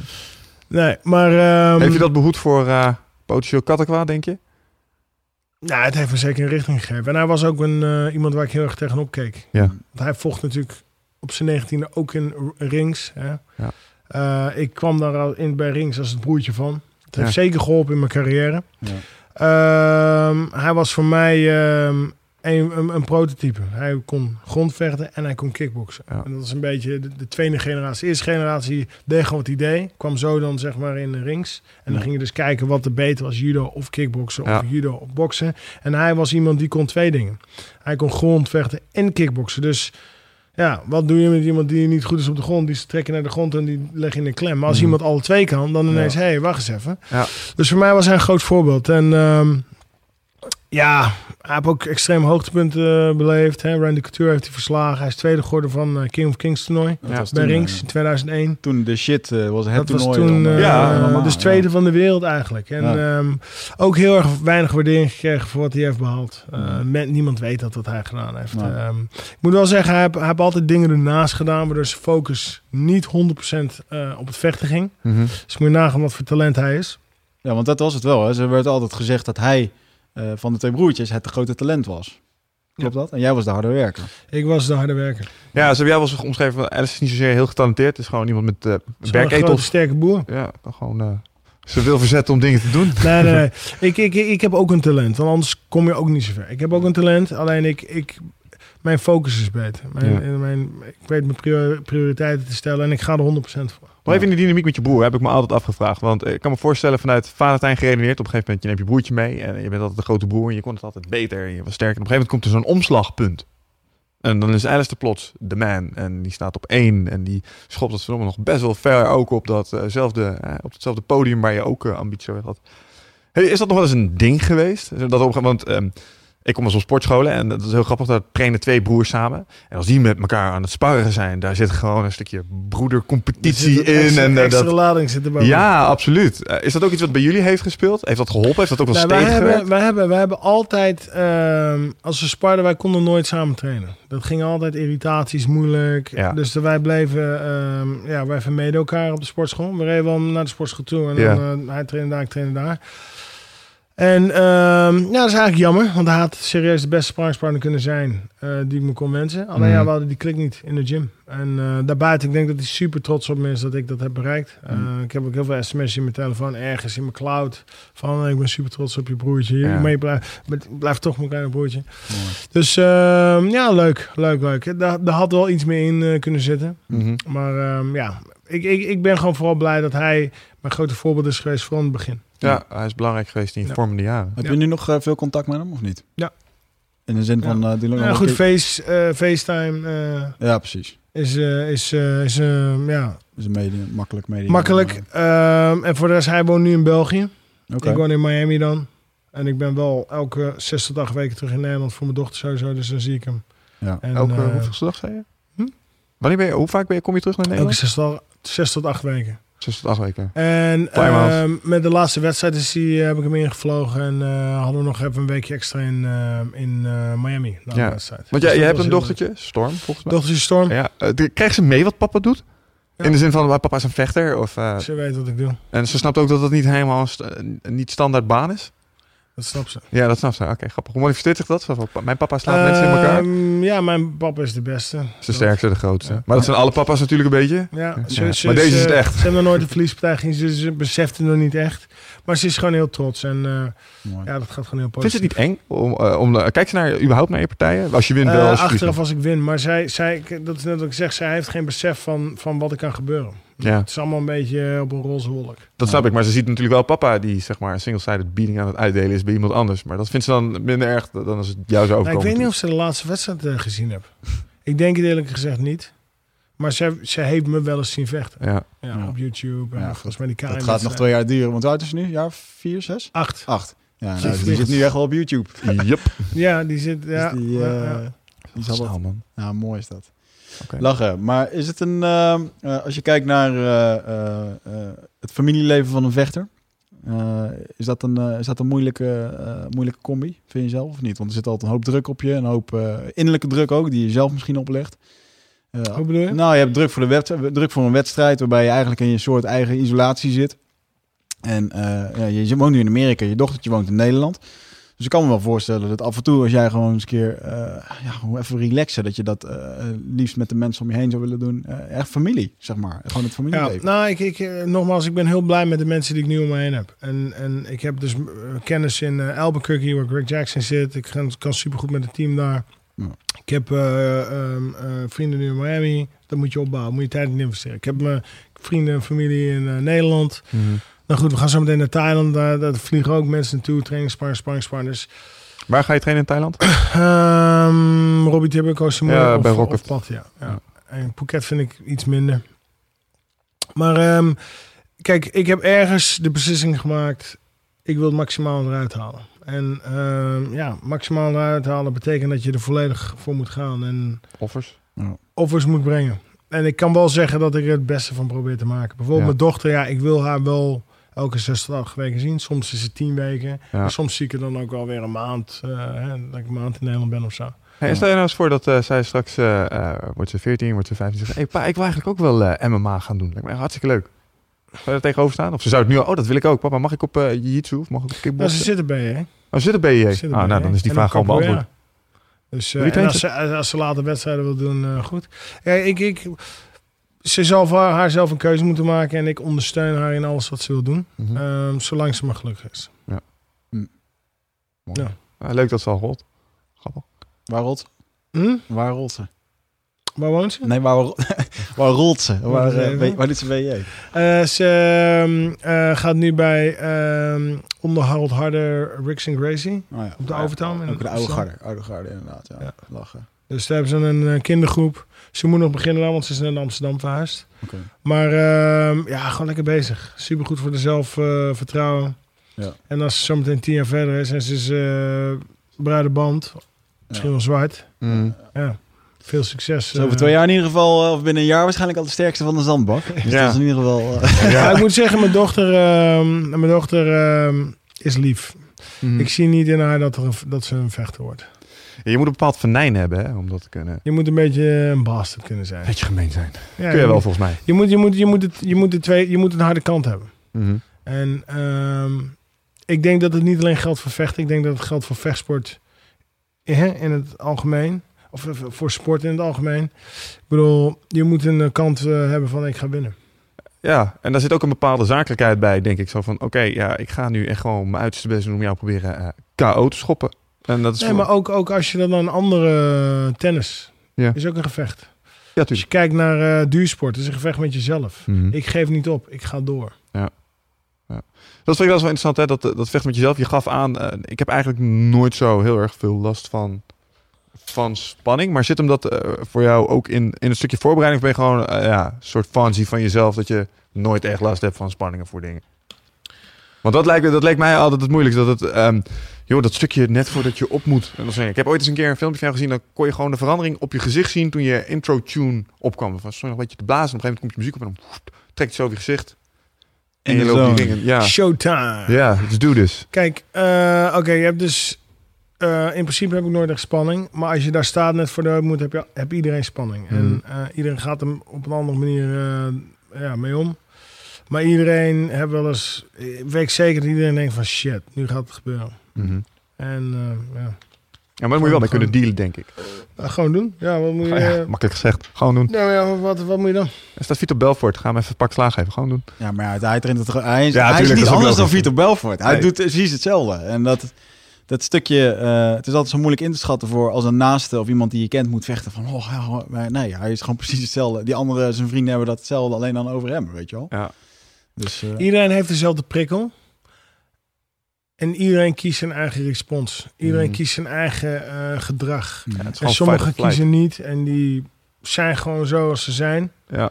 En ja, ik eh, kies gewoon gewoon, we gaan het gewoon doen. Moet wel heel fijn zijn, want dan kun je het denk ik ook heel bewust meemaken. Je komt natuurlijk ook eh, achter de schermen, zie je nog wel eh, de nodige dingen. in dat opzicht natuurlijk, want je maakt ook mee hoe die andere wedstrijden, eh, vechten zich voorbereiden. Is dat niet op een of andere manier ook heel ehm, ja, aanstekelijk of besmettelijk misschien wel? Dat als mensen super gespannen zijn, het is alsof de spanning te snijden is. Als je in de kleedkamer zo achterloopt, er wordt opgewarmd, je wordt lawaai. Of, ja, tenminste, dat is in Nederland allemaal die gaatje, want er zit alles in de kleedkamers bij elkaar. Je hebt natuurlijk je eigen kleedkamer inmiddels, stel ik me zo voor. Krijg je daar überhaupt nog wat van mee? Of ben je toch wel redelijk afgezonderd ervan in je eigen bel? Nou, je, je ziet wel wat andere mensen een beetje doen. Hmm. Sommigen zijn gespannen. Bij de UFC vind ik ze wel iets verder dan in Nederland. Eh, het is over het vaak heel ontspannen in de kleedkamer. Iedereen doet een beetje zijn eigen ding. Heel Mhm. relaxed. Ja. Good vibes vooral.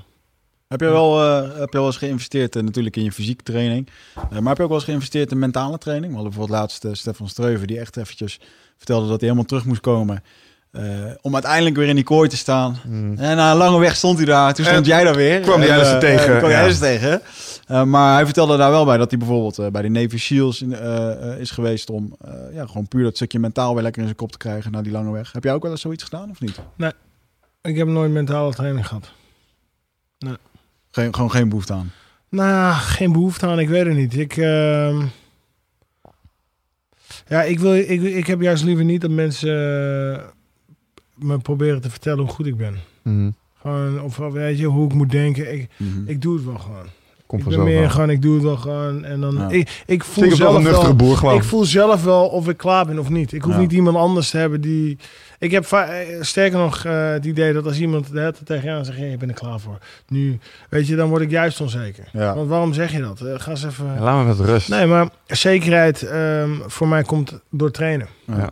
En voorbereiding. Ja, voorbereiding ook Ja. voor je gameplan. Maar goed, dat ben ik. Ehm, voor iedereen is er weer een andere, hè, een ander middel, een andere route. Ja, maar Misschien dat het voor Stefan wel, ehm, ja, wel, wel positief uitpakt. Hè?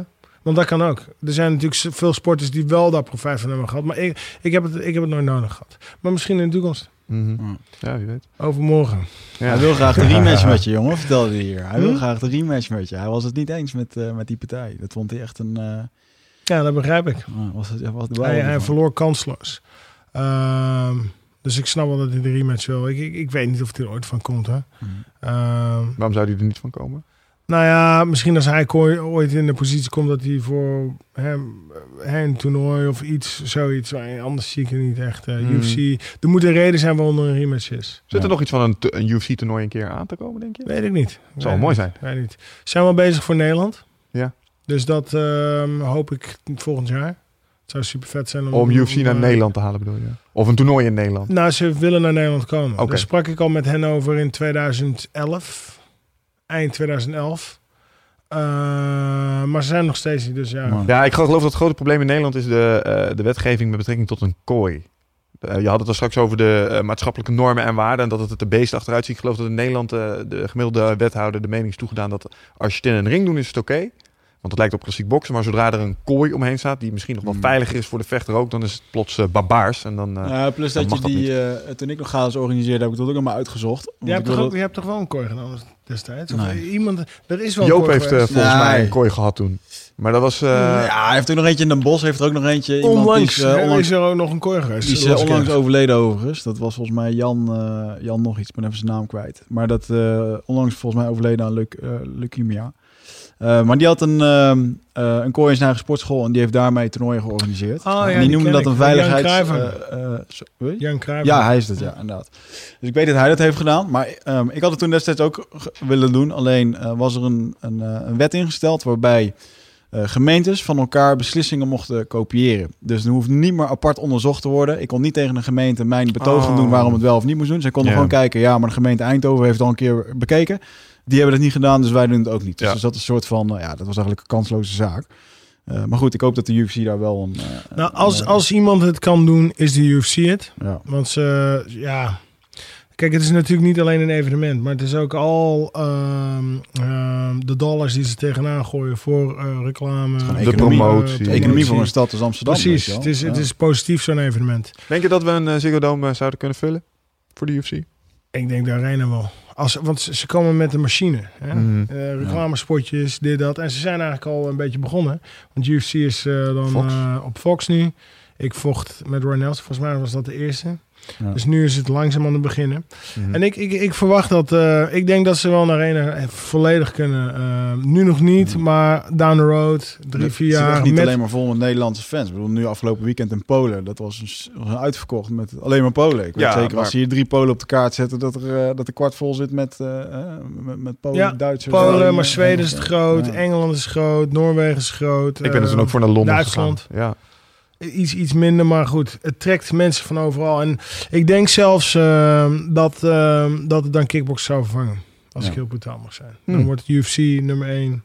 Kickboxen staat nu nog nummer 1. Ja, want dat is, maar dan, dan kom je ook weer aan het, eh, het Nederlands publiek. En het Nederlands publiek kent MMA natuurlijk al. Tenminste, het vechtsport publiek. Dus mensen die nu al naar vechtsport gaan gaan. Maar dan merkte je toch altijd nog steeds wel. Een paar, ga, een paar evenementen uitgezonderd. Dat de gemiddelde Nederlander houdt niet heel erg van het grondgevecht. Hmm. Vinden ze maar vervelend. Twee mannen die over elkaar liggen te rollen. Dan krijg je fluitpartijen in het publiek. En dan moet je als grondwerkfan moet je weer met mensen Ja. naast je in het publiek in gesprek gaan over waarom het wel heel goed is wat ze aan het doen zijn. En dat Ja, maar ik denk, ik denk als je Joe Rogan hebt die eh, het gewoon uitlegt. Ja. En, en wat ze ook eh, laatst hadden met eh Marloes Koen en Bob. Ja. Die gewoon een superjob doen. het commentating. Ja. Ehm, ja, dat het langzaam omslaat. En Ja. toch weer die dollars van de UFC, hè, de promotie. Het, Ja. het, het, je iedere eh, filmpje ziet, highlights, die weten ze perfect te maken. Ja. En die shows zijn, die shows zijn ook... Ik, ik, ik vind Pride vond ik vetter, maar UFC is ook vet. Als je Mhm. erbij bent, als je... Nou goed, jij, jij zei net, ik ben in Polen geweest. Hoe was het trouwens? Nou, ik, was niet, ik was zelf niet in Polen. Ik ben wel een keer in Brazilië geweest. Toen Anderson Silva tegen Stefan Bonner uh, vocht. nou, gek huis, toch? Ja, zeker in Brazilië was dat. Ja. eh, Ja, ja. een, Elke eh, show van de UFC, de, de fans en het promotie en het licht, het is gewoon eh, te gek. Ja. Ja, ja ze, zetten het, ze zetten het heel groot in. Ik ben toen eh, in, eh, in Londen eh, ben ik erbij. Toen was het nog speciaal. Dat, hè, was Toen de keer volgens mij. Ja, dat, het, dat het naar, naar de EU kwam. en het is ook destijds in Keulen volgens mij een keer georganiseerd. Toen zat het ook Ja. tot aan de nok toe vol. Ja, laat dat maar aan die Amerikanen over om... om om wat er een show van te maken. Ja. Merk je nog meer bij, aan wat voor dingen merk je trouwens nog meer bij de UFC dat het echt een professionele tent is? Van die kleine, het zullen waarschijnlijk kleine dingen zijn, waar bijvoorbeeld medical check-ups en dat soort dingen. Ik begreep dat jullie Alles bijvoorbeeld wanneer, gereguleerd. wanneer je maar wil mag jij omdat naar het ziekenhuis toch bijvoorbeeld voor scans en dat soort dingen. Nou, je moet voor elke wedstrijd moet je, je heb je je medical check-ups. Hm. Dus dat is gewoon een lijst die af moet werken. En dan bij die dokter heb je dit, je ogen, je, je ja, eh, hepatitis, HIV. Nou, dat is met kickboksen niet eh Gerald. Ehm nog meer? Ze hebben dopingcontroles. Ehm, oh, ze werken nauw samen met de overheid. Hm. En alles wat een issue is, wordt ehm ja, onder handen genomen. Mhm. Betaling bijvoorbeeld. Ze betalen bijvoorbeeld de commissie, dat is de overheid, eerst.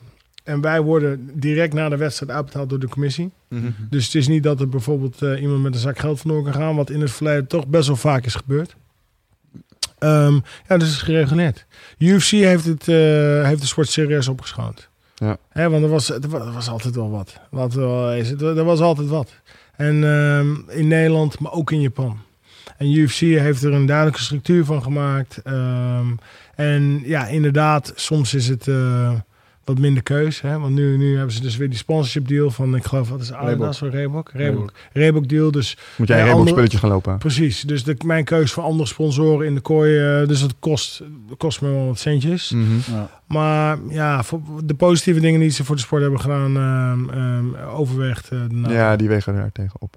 Oké. Ik kan me voorstellen. Eh, dat brengt me wel bij een, eh, eh, bij een ander lastig onderwerp waar we natuurlijk wel eens aan denken als we het eh, over Alistair hebben. Ehm, je zei net, ze, ze reguleren een heleboel dingen. Ze doen ook allerlei tests. En nou ja, daar heb jij ook wel eens mee te maken gehad, zullen we zeggen. En dat is nou ook wel breed uitgemeten. Ik ben door de mangel gehaald. Je bent er een mangel gehaald, ja. En daar kwamen toen, toen de tijd ook allerlei een heleboel nuances met normwaarden en dat soort dingen bij, bij om, de, om de bocht kijken. Kun je daar iets over vertellen vanuit jouw perspectief? Hoe je dat hebt meegemaakt, hoe dat ja, gegaan is? Want je, op een gegeven moment ben je ergens eh, bij een, was je bij een evenementje, toen kwam er één keer zo'n Athletic State dude van, kom jij eens even mee? Ja, eh, laten we ten eerste wel wezen dat ik eh, volledig achter sta voor dopingcontroles. Ja. Doping is ongezond en het is gewoon vals spelen. Dus Hm. ik vind dat, ehm, ja, er horen gewoon regels te zijn en iedereen hoort zich daaraan te houden. Ehm, in mijn geval, ehm, ik had een, een, een check-up. En eh, daar bleek dat een, een, een verhouding uit balans was. Hmm. En dat is niet op zichzelf niet een, eh, een schorsing, maar dat is wel van, hé, hey, dat is een red flag. En dan moet je je verantwoorden. Toen ik een telefoontje kreeg van de UFC, ik wist niet eens waar ze het over hadden. Ik zei, Hmm. "Huh, wat, hè? Nou, wat bleek nou? Ik had een eh, blessure opgelopen. En een arts die heeft me een middel voorgeschreven. Eigenlijk een combinatie van middelen. Waar één bestanddeel in zat die dat schommelingetje teweegbracht. Mhm.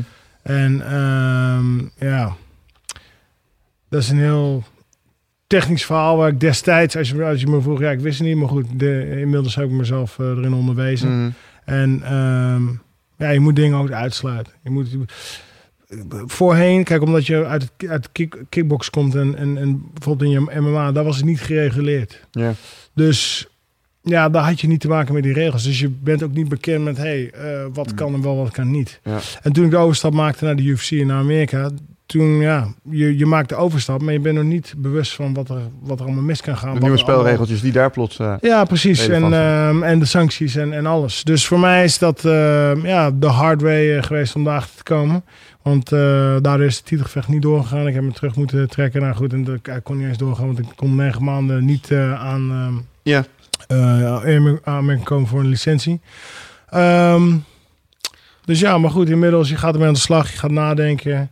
Hè? We willen het maximaal eruit gaan. Dus je doet je best. En eh, ook dat ik. Ben heel tevreden met de mensen die ik nu om me heen heb. Voedingsdeskundigen, Ja. eh, voedingsexperts. Die me dus onderwijzen van... hey, dit kun je wel doen, dat kun je niet doen. En ja, daardoor haal je het maximaal eruit. Ja, want wat vind jij dan van de- de uitspraak dat...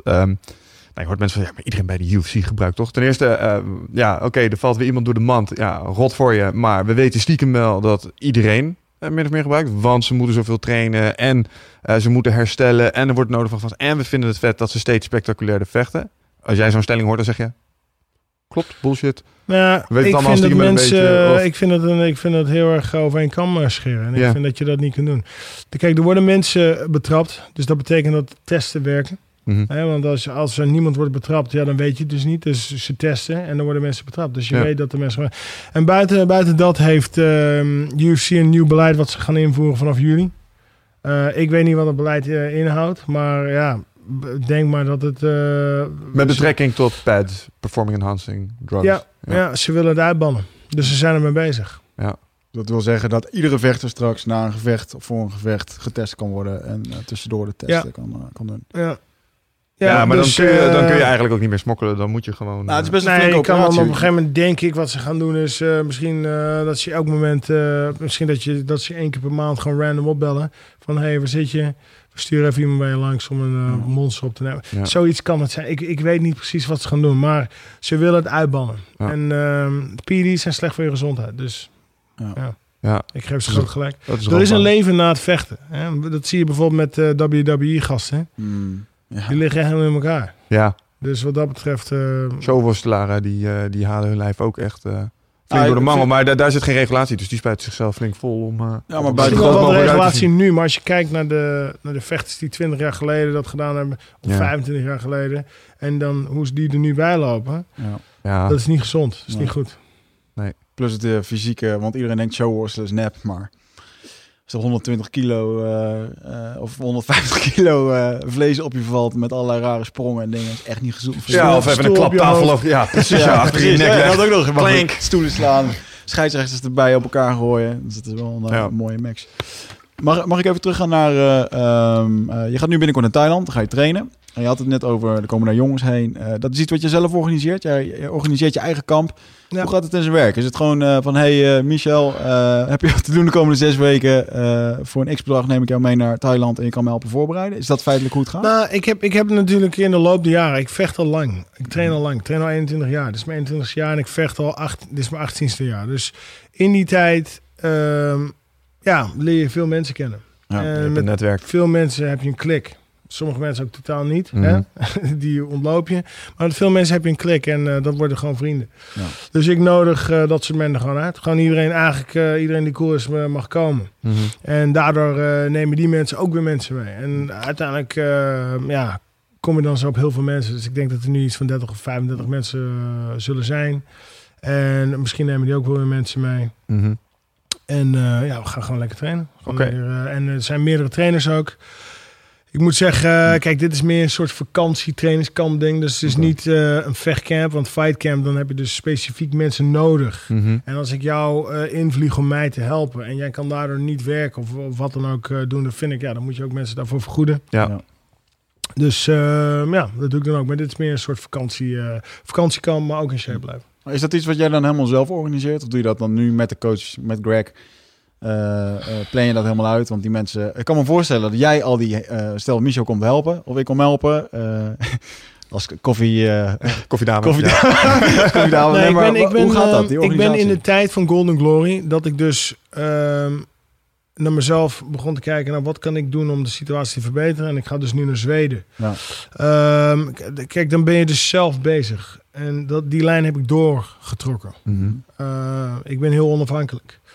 Ik vind, ja, als je, als je het maximaal eruit wil halen, dan, je kan wachten tot andere mensen het doen, maar als die het niet doen, dan gebeurt het niet. Nou, Mhm. Dus ik heb dat helemaal, ja, ik ben al tien jaar doe ik dit al bewijs van. Dus ik eh, contacteer die mensen gewoon zelf en ik zet het gewoon zelf in elkaar. En ik heb, ja, rechterhanden, assistenten ja, die dat ondersteunen. Ja. Dus als er tickets geboekt moeten worden of als er eh, ja, contact met, met mensen moet on- onderhouden moet worden. Ja, Want ik doe dat natuurlijk niet alleen maar. Maar ik ben wel degene die het dan bedenkt. Ja, ik heb zin om naar Thailand te gaan. Ja, ja, ja. En Nou. dan eh, vraag je iemand. om Let's organize something. Waar gaan we zitten? Mooi, man. Eh, ik vind je bent wel altijd wel een ondernemertje geweest. En je hebt ook nog een tijdje, eh, toen je voor Pride vocht... en volgens mij het eerste eh, echt geld wat je verdiende met, met, met MMA... dat je toen op een gegeven moment nog een verssportblad overnam. Eh, dat werd toen de Royal Rumble. Begonnen. Eh, begonnen? Ja, of dat was dat. ja, was het begonnen, oké. En het was ook echt was gewoon, ja, was gewoon een fucking dik blad. Ja. Dat zag er goed uit. Goeie Dat is vormgeving. een heel vet blad. Ja. En ehm, dat was eh, ja, heel leuk om te bezitten. Ehm, begon ook wel een beetje minder te worden toen een jaar later, eh, eigenlijk anderhalf jaar later, ehm, ja, ik gewoon in mijn middagrust factuur zat te schrijven. Ja. Ja. En ehm, ja, ik een aantal verliesbedragen te elkaar had, omdat ik gewoon mijn lichaam gewoon niet tot rust kwam. Ja. Eh, dus dat was weer de keerzijde, maar ik heb er heel veel van geleerd. En eh, inderdaad, qua ondernemen was het gewoon heel erg goed voor me. Om, Ja. om te kijken, hè, netwerken, met mensen bezig, met, met, met, met andere dingen bezig. Hoe werkt dat nou, een eigen bedrijf runnen? Heb je, heb je nu nog andere ondernemersprojectjes of dingetjes waarbij je, eh, die nu nog gewoon lopen? Doe jij iets langs, langs het vechten? Of misschien voor je oude dag? Of, eh, Ehm, ben je aan het investeren? Of eh, hoe... eh, nou, ik ben eh, bezig ehm, om, een, eh, om een gym te openen wereldwijd. oh ja, Gymketen. Ehm, ik doe acteerles. Sinds een half jaar, iets langer, zeven maanden. Are we gunning for Hollywood? Nou, kijk, ik krijg soms wel eens aanbiedingen. En Echt? ik wil die aanbiedingen zo goed mogelijk ehm, doen. Is dit Dus ik ga zit er een rolletje aan te komen al? Weet je Nee, ja, ik, ik heb aanbiedingen. Heb, krijg ik nu al. En ik wil, man. als je dat doet... Kijk, mensen hebben altijd tegen me gezegd... Ja, je moet gaan acteren, je moet gaan acteren. Hmm. Maar wat die vergeten te vermelden is... is dat acteren doe je niet zomaar. Kijk, als je dat ziet op televisie... je ziet Hmm. Denzel Washington of eh, Tom Cruise... Mm, dat Ja, doe je niet Dat is zomaar fucking na. moeilijk. nee, en dat kost ook energie. En die energie die zit momenteel, die heb jij nodig voor je rust. je Ja, maar ik moet en- zeggen, acteerles is leuk. Ja? Voor mij Geeft is dat energie? persoonlijke groei. En eh, het is natuurlijk ook eh, presentatie. Mhm. Ja, want eh, speaking in front of a crowd, dat soort dingen, communiceren met, met mensen. Dus daar ben- heb ik altijd wel interesse voor gehad. Dus voor mij is het heel erg leuk. En of ik ermee ga acteren, dat weet ik nog niet. Mhm. Maar het is persoonlijke groei. En ehm, als ik dan die, die rol krijg, Hoofdrollen denk ik wel helemaal niet aan. Maar Mhm. kleine dingetjes wat leuk voor de buis. Dan wil ik wel voor de dag komen. Ik denk dat het vooral de rolletjes zijn waar jij mensen in elkaar moet gaan trappen als bad guy. En Ja. als, eh, De guy, agressieve agent. of- Alle Nee, keren maar, dat je ehm, Bob Schrijver op tv ziet, dan is altijd hetzelfde type, weet je wel. Nee, maar, maar je kan niet zomaar eh, acteren. Als, Ja. ik, als ik bijvoorbeeld, ehm, eh, oké, K1 finale rond die tijd een filmrol kreeg. En ik kreeg een script van 10 pagina's Ja. Toegestuurd. En ik moest in de set, dan had ik mezelf verschut gezet. Omdat Ja. ik niet weet hoe dat in zijn werk gaat. Ja. En nu, ik doe het zeven maanden, dus nog niet eens zo lang. Maar goed, als ik zo meteen eh, vijf jaar verder ben, dan, hè, dan heb ik wel wat dingetjes gedaan. Dan kom je op een set en dan doe je iets. Ja, Ja. En dan eh, komt het een beetje als hopelijk vet over. mooi. En dat is, dat is mijn hele ding. Ik wil vette dingen doen. Ja, maar het kan ook wel deuren voor je openen. Want eh, je vechtcarrière, kijk naar eh eh, Randy Couture. Die zat eh, in de Expendables uiteindelijk. Had hij gewoon een, een vaste kick. Ja, Ronda Rousey er ook. Ronda Rousey ook flink aan het acteren Ja. volgens mij. Ja, ja, ja. want eh, wat je, wat je daar eh, eerder in de podcast over zei, dat vond ik wel sterk. Ja, er is een leven na vechten. En daar moet je wel bewust van zijn. En ik kan me voorstellen dat je binnen je carrière een bepaalde richting hebt uitgestippeld. Dus dat zie ik jou wel erg doen. Dat had ik, het, ehm, had ik nog voor. Schaak je nog steeds? Ehm, ik zag toevallig een bord staan een paar weken geleden. Maar rest, ik schaak niet. Maar ik vind het is wel leuk. Ja. Is wel leuk. Weet je wat ik trouwens zag? Een schaakspel met drie spelers. Oh, Heb je gezien? Ja, dat eh, klinkt eh, als maar eh, potentieel complex. ja. Oké, lachen. Nou, er staat mij iets van bij dat jij ooit eens een keer een... eh, eh, was nog op Mixfight destijds. En toen dacht ik in ieder geval het op te maken dat jij best wel goed kon schaken. Ehm, omdat je toen zei, ja, we schaken wel eens, maar dat is wel voor 2 euro per stuk. Dat was nog tegen zo'n lid, dat daagde je toen volgens mij uit. Ja, precies. Je weet het nog. Menno 77 nog wat. Ja, 667 was het. Ja, Mendo. onze, onze limbo was dat.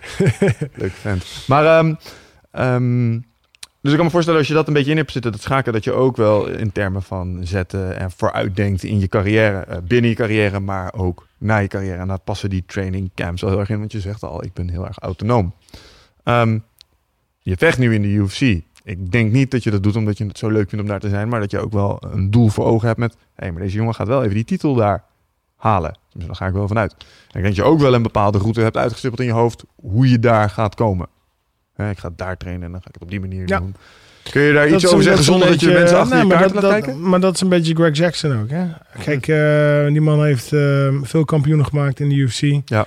En ehm, voor mij begon het eigenlijk eh, naar Travis Brown. Er moet een strategie komen naar de titel. En dat is niet, oh, we gaan nu even dit, we gaan nu dat. Nee, een langdurige eh, termijnstrategie. Daar is Greg Jackson onderdeel van. Ja. Man is eh, geniaal.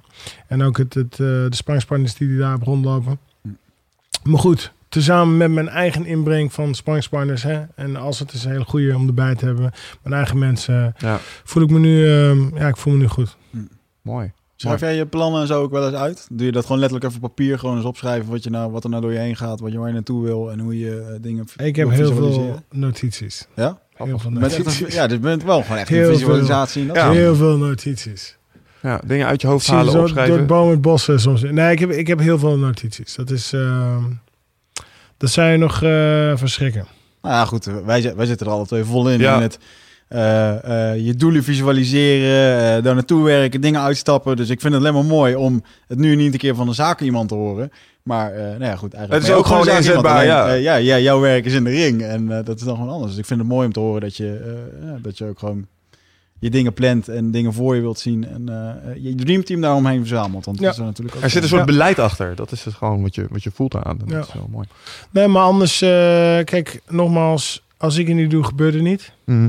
En ehm, ja, je kan wel op anderen gaan zitten wachten, maar die hebben hele andere belangen. Die zitten met hele andere dingen. Eigen agenda. Dus ja. je gaat zelf. ehm, en eh, weet je, ik, ik heb oudere eh, kennis gehad en die sporen dat ook aan. Je moet het zelf doen, jongen. Kijk me eens aan. Ja, je moet ja, het zelf doen. Niemand doet het voor je.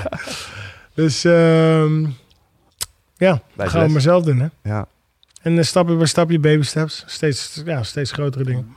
Vallen en opstaan. Als je straks je eigen, eh, even perfect case, eh, je hebt eh, de UFC-titel binnengehaald. En, eh, je bent 39, je stopt ermee, je wil een paar gyms openen. Jij blijft, voortaan, jij blijft in Amerika, denk je? Nou, ik heb ehm, eh, mijn green card net sinds een paar maanden. Ehm, ja, Betekent dat, het, dat betekent dat je mag verblijven? Dan ben je nog geen staatsburger of zo. dan ben je nog geen Amerikaan, Nee, maar je bent wel inwoner. Vast inwoner. Ik, ehm, ik ehm, weet nog niet wat de toekomst zal geven. Ja, ik heb ook iets met Thailand. Misschien eh, ga ik daar wel oud worden. Maar misschien, eh, eh, misschien kom ik wel terug. naar- Ik zal altijd iets hebben met Nederland. Tuurlijk. Nederland is een heel efficiënt land. Ehm, ik, ik blijf een Nederlander. Lekker overzichtelijk hand. Want ik ben, ik ben misschien wel in Amerika, maar ik blijf gewoon in Nederland. Ja. En ook als ik in Thailand ben, dan voel ik me ook helemaal Nederlander. Want de Aziatische culturen zijn heel anders. Dus ik zal altijd iets met Nederland hebben. Mijn dochtertje woont hier. Nou, misschien komt hij later wel in Amerika. Maar ik heb iets met Nederland. Het eten vind ik goed. Mijn familie zit hier. Ja. Dus ik zal altijd terugkomen. Eh, maar goed, waar zal ik oud worden? Ja, dat weet ik nog niet. Voor nu zit ik in Amerika goed. Ja, oké. Helder. Lekker man. Ik denk wel dat je als je... eh, want als je nu voor de komende... We hebben het nu over op je 39 zou we stoppen, over vijf jaar. Ehm, hoe ziet jouw eh, pad de komende tijd bij de UFC eruit? Want je hebt net je partij gehad. Wanneer verwacht je weer te vechten? Nou, ik zou daar deze week iets meer over horen. Ehm, ik verwacht juli, augustus. Daar mik ik zelf voor. En ik denk tegen Junior. En de- Denk je dat dat een, eh, is dat Oh. een, eh, een, eh, een roadmap naar, eh, opnieuw naar een titelgevecht? Dit eh, eh, zit dat heel dicht kort Ehm, op? ja, hem, hem verslaan dan naar titel. Ja. Ja. Ja, want dan ben je wel Dus een het kan, contender. het, kan, het kan heel hard gaan. Dus het kan dan zeg maar juli, augustus zijn en dan oud en nieuw zoiets. Hoe sta je tegenover Eh. Junior? Want het is wel een, ehm, een flinke jongen. Mm. Eh, ik weet niet wie het laatst zei, maar iemand zei... Volgens mij was het George Barnett. Die had er wel een goede, eh, goede analyse over. Slimme vent trouwens, die George Barnett. Ik mag hem wel, als ik hem zo hoor in podcast en zo. Ja. Dat hij vond dat Junior de Santos absoluut eh, heel veel schade heeft geleden eh afgelopen Ja, jaar. de laatste drie wedstrijden heeft hij... ehm, hij is wel een bik hoor. Hij is wel... Ja, hij neemt wel veel. Ja, Maar ook weer, is ook weer niet goed. nee. Eh, dus dat is wel goed voor zijn prestatie. Maar hij wel op lange termijn voor zijn eigen... Ik moet... Oké, daar zit wel- achteraf wel te bespreken, maar nu is dat nog even niet. Nou, want je geeft een kijkje achter je 2020 kaarten. hindsight. Ja. Nee, ja. maar goed. Nee, nee, nee. Maar dat, dat, dat, dat- dat- ja. Houden we nog even voor ons. Captain Obvious. eh Ja, moest even nou vragen. veel te proberen. hè? Mooi. Ja, goed. Ik denk in ieder geval... Ik hoop dat we het kunnen gaan zien in, eh Ja. eh, in Natuurlijk ga je die partij... Ik zou een mooie, in- mooie nieuwjaarsshow zien. Een mooie nieuwjaarsshow. Ja, maar Junior is eerder, hè? Ja, klopt. Maar daarna, title fight ik, ik was al verder aan het kijken. Daarna, dat je daarna gewoon... We gaan er even vanuit dat je, dat je wint. En dat er daarna iets van een title shot komt. Of misschien nog één partij om... Nee. Daarna Junior- komt een title shot. Als, als ik tegen Junior vecht, daarna title. Hey, en een rematch tegen Bigfoot, want dat was ook nog wel... eh, vind ik trouwens ook nog wel interessant. Er werd een beetje gezegd tegen Bigfoot dat je op een gegeven moment nonchalant werd. Eh, een beetje over, eh, overconfident misschien. Kaki. Eh, en, Cocky bastard. Cocky bastard. Kijk, in, in, het Bigfoot gevecht... ehm, dat was ook weer... Kijk, het leven is met zijn ups en zijn downs. Mhm. hè? Dan is alles weer geweldig. Dan is hij weer een zak en Mhm. as. dat hebben we slecht. allemaal. Dat is het leven. Ja, tuurlijk. Ja. Ja. Hè? In het Big, Bigfoot gevecht ehm, was alles wat mis kon gaan, ging mis. Hm. Alles. Ik was net ver- verhuisd. Nou, niet net, maar ik was nog aan het wennen met het eten. Mhm. Ehm, als je niet goed eet, dus je vergiftigt je lichaam in principe. Want je lichaam reageert niet goed op het eten. Eh, en je bent nog aan het zoeken. Nou, dat was een factor. Ehm, ik heb mezelf geblesseerd. Zes weken voor die wedstrijd. Hm. Ernstig ge- geblesseerd, mijn onderrug. Oh, ja.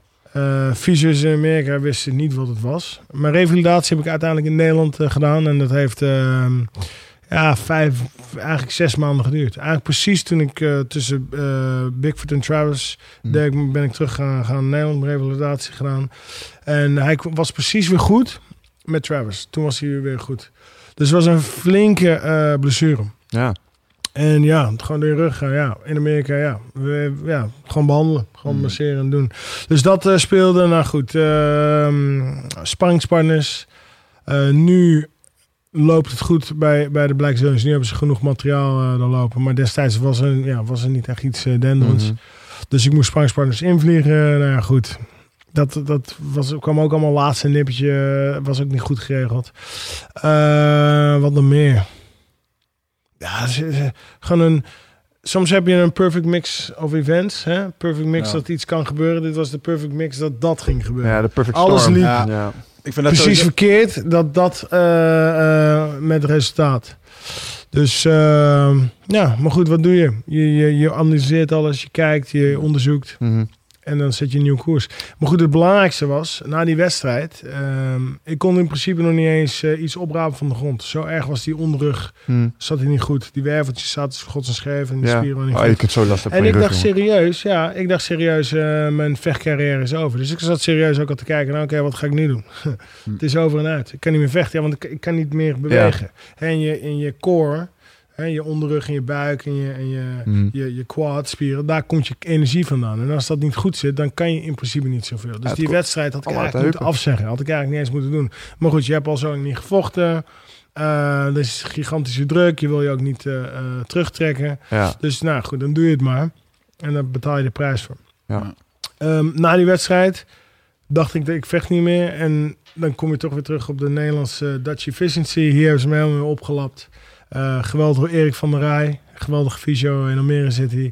En eh, natuurlijk niet te vergeten, uh, orthomanueltherapeut Jan-Jan de Bunt. De Bruine, Jan-Jan de Bruine. Die, hebben weer helemaal Die hebben opgelapt. we helemaal weer, eh, ja. Wat ik dan wel weer opmerkelijk vind, hè, want je zou verwachten, Amerika, daar, eh, daar hebben ze veel met vechters te maken. Daar hebben ze een heel professioneel circuit. Dus daar zal ook wel een heel hulpverlening en medisch circuit omheen zitten die uitgebreid ervaring hebben met Ze dit zijn niet zo goed als in Nederland. Nou, blijkbaar. Ze zijn, oké, laat ik het zo zeggen. Ze zijn ehm, heel ver in andere dingen Hm. Dan in Nederland. Ze zijn wel geavanceerd, maar in andere dingen. Ja. Hè, bijvoorbeeld, ze hebben daar het boksen, het voetenwerk van een bokser. In supplementen zijn ze heel ver. Hè, weight cutten zijn ze een stuk verder dan in Mhm. Nederland. Ehm, maar bijvoorbeeld, eh, kijk, je hebt natuurlijk in Amerika heb je liability. Hm. Dus als ik jou masseer en jij belast, dan kan je mij aanklagen. Als Dus daarom masseren ze niet met hun handen. Ze doen wel zo'n elektronen dingetje op je. Hè, met het stroom. Maar dat is niet hetzelfde. En hier Het eh, in Nederland eh, kom je aan die gasten, die legt je even eh, dubbel en die eh, masseert het even los en die En die kraakt gooit het even. los, en, eh, schouder, ja. dingetjes. Wat ze ook hebben is, in Amerika hebben ze chiropractoren. Dus als je Hmm. nek niet goed zit, dan kraakt hij. Maar goed, dat, dat richt ook vaak meer schade aan dat dat Ja, goed moet is. je waarschijnlijk eerst een waiver tekenen. Van een wavertje tekenen. Ja, ja, is overal daar, hè? ja. Een Seminars, sportscholen, altijd tekenen. 20, 20 tot 30 behandeling. Maar goed, dat- Nederland was heel blij dat ik hier gewoon mijn revalidatie kon doen. Ja. Oké, mooi. Sowieso heb jij een vaste... Jij neemt altijd wel echt je rust hè, na zo'n partij. Is dat ook echt jouw eh, je ding om even je mind weer... Ja, net over had, hè? Anders kan je Nou, maar het werk gaat door, alleen op een ander terrein. Hè. Sowieso lichaam moet bijkomen, maar goed, oké, wat dan heb je je appearances. Want je appearances doe je niet voor je vechten. Nee. Die komen altijd daarna, dus dan ben je gewoon bezig met de fans en Mm. met, met, met andere dingen. Nou, organisatorisch ben je natuurlijk bezig. Ja. Eh, iedereen aansturen, zorg dat het goed gaat. De marketingmachine van de Ream moet gewoon Ja. door blijven lopen natuurlijk. Ja. Oh, een goeie. Ik, Ik, ben benieuwd. Gaan we... Nee, ja, ik vind het cool. Wanneer komt er weer een documentaire? Komt er nog één of niet? Ja, ja, die gaat komen. Die gaat komen. Ehm, het is eigenlijk afhankelijk van de volgende wedstrijd. Wanneer die is, hoe, wat, waar. Dan gaan we een nieuwe planning maken. Ja. Kijk, het is, we hebben nu... ehm we hadden zeg maar na de wedstrijd van Ben Roffel was het een beetje... Ja, dan heb je een verliespartij. Oké, even rust. Eventjes weer... Nu is weer een verhaal. We hebben twee winstpartijen. Het is nu weer boeiend. Want kijk, anders is het een beetje... Ik heb met alle afgesproken, we willen het verfrissend houden. Mhm. En er moet vet blijven. Dat is een beetje mijn, mijn slogan. Wat ik doe moet vet zijn. Ja. En het moet ook niet steeds hetzelfde zijn. In UFC, elke wedstrijd is weer anders. Maar ja, trainingskamp is hetzelfde. Mhm. UFC, eh, de, Ja. de, de hand. Ja, er zit een patroon in. Dus En als je dat één keer hebt beetje- gezien, weet je Nu wel een eventjes beetje. klaar. Mhm. En dan nu is het weer boeiend. Dos Santos is een hele boeiende tegenstander. Ja. Dus nu, Ja. eh, nu gaan we er weer eh, voor. Zou je interesse hebben om een keertje op Metamoris te vechten? Grappelen. Grappling. Ja, dat is een beetje voor de mensen die het kennen. Er is nu een organisatie vanuit de Gracies. De familie die het Braziliaanse Jiu-Jitsu eh, eh, eh, heeft eigenlijk op poot heeft gezet. In Amerika hebben ze Metamoris opgezet. Waar eigenlijk alle top grapplers, top worstelaars, jiu-jitsukaars tegen elkaar worden gezet. En waar ook een hele hoop UFC-jongens in, eh, in gezet worden. Omdat het ook een, eh, een veilige manier is. om eh, Je kunt daar gewoon in competen en dan, eh, dan gebeurt er niks. Ja, wel, ADC Zou je dat- heb je toen meegedaan natuurlijk. Aan de CC Europa heb ik eh Ja. meegedaan. Ben kampioen geworden. Ja. Ehm, ja, misschien zou ik daar wel interesse in hebben. Maar voor nu niet. Ik ben te druk en UFC is prioriteit. Ja, maar volgens mij mag het... eh, Ja, mag dat trouwens binnen die contract? Nou, juist, juist dat wel, omdat het niet... Met eh, Oké, ja. Volgens mij mag je wel- grappelen, maar niet andere... Er lagen wat andere dingen die inderdaad niet, eh, geen full contact sporten. En eh, die Ben Henderson bijvoorbeeld, die altijd met zijn tandenstoker vecht. Die, eh, eh, voor de mensen die het niet snappen, die, er is een vechter in de UFC die altijd met een tandenstoker in zijn mond vecht, om een of andere reden. En dat kunnen ze niet tegenhouden of zo. Of hij doet het gewoon, of wat is het? Weet jij het verhaal Ja, dan glipt hij er weer tussendoor, hè. En dan haalt hij hem na de wedstrijd haalt hij hem eruit. Het is toch fucking, ik, ik zo zeg, vaag. hè? Maar hij heeft gewoon een scherp stuk hout in zijn mond. Ja. Op het moment dat hij gaat knokken. Dus er zijn Ja. mensen die slaan op zijn gezicht. Terwijl Ja. hij met dat stuk... Oké, dat is dom. Ja, En hij is echt eh spectaculaire vechter. En dat doet hij dus ook met zijn BE. Dat is gewoon een soort tik dat hij eh, misschien zijn, zijn, Klinkt als bijgeloof. zijn Als- afleiding... Of misschien is dat... eh, maar toch, ik vind, ik vind het ook wel weer vet. Het is uniek. Ja, zeker. Het is net als Roy Nelson met die baard. En weet je, het gaat toch een beetje om de characters. Eh, Uniek iets. Je moet wel markant zijn om jezelf een beetje te onderscheiden. Want het zijn inmiddels allemaal gespierde, eh, technisch eh, goede vechters. En eh, ja, Wie is, jouw, eh, wie is jouw favoriete character in, eh, in de UFC? Nou, ehm, oké, even buiten de UFC eh, ehm, had je Fedor. Altijd emotieloos, weet je. Dus dat Ja. was vet Ja. van hem. Vitor, waar je het net over had. Ehm, gewoon zag er als een beest uit. Staand en grond. Snelheid. Hoe die iedereen sloopte was gewoon eh, Posterboy. eh, geweldig. Mhm. Van hem eh, was ik fan. Nu niet meer, omdat ik hem persoonlijk ken. En het is ja, gewoon niet mijn cup of tea. Ja. Ehm, Oké, wat wie hebben we nog meer? Ehm, Big Nog. Fan, hoe die iedereen pakt in Pride. Ja. Hè, nu, nu, nu, ik- hij- ja, die man heeft zoveel blessures ook, dus ook- nu is het allemaal mm. wat minder. Maar destijds was het gewoon de man. Vind je dat hij moet stoppen? Ja, Big Nog zei toch Minotauro hebben we het nou Ja. gewoon over. Ja, ik zou hem nog wel een keer tegen Kroker willen zien. Nu. voor all time Ja. sake. Stefan staat nu tegen Big Nog. Ik, ja, dat, die partij zie ik weer dan weer niks in. Maar ik had eh, Big Nog wel tegen Kroker nog een keer willen zien. Dat Wie? is vet, want dat is de rematch. Ja. Weet je? Ehm, Wie gaat er winnen? Streuven van Nog? ik denk Stroeven, denk ik. Ja. Nog, eh, die man heeft, wat ik hoorde, 27 operaties. Ja. Vechtgerelateerd is hij ondergaan. Ik, heb, ik ben er eentje ondergaan, elleboog. Hier had ik Ja. eh, een, een eh, dingetje. Hij heeft er 27. Ja. Dat- dat- en hij is geloof ik twee jaar ouder dan ik. Hij is 36 of zo, 37. Ja. Dus Veel voor hem, eh, Die man heeft veel geleden en veel, veel gegeven ook ondertussen hoor. Maar naast zijn MMA-wedstrijden ook nog zijn BJ-wedstrijden. ja.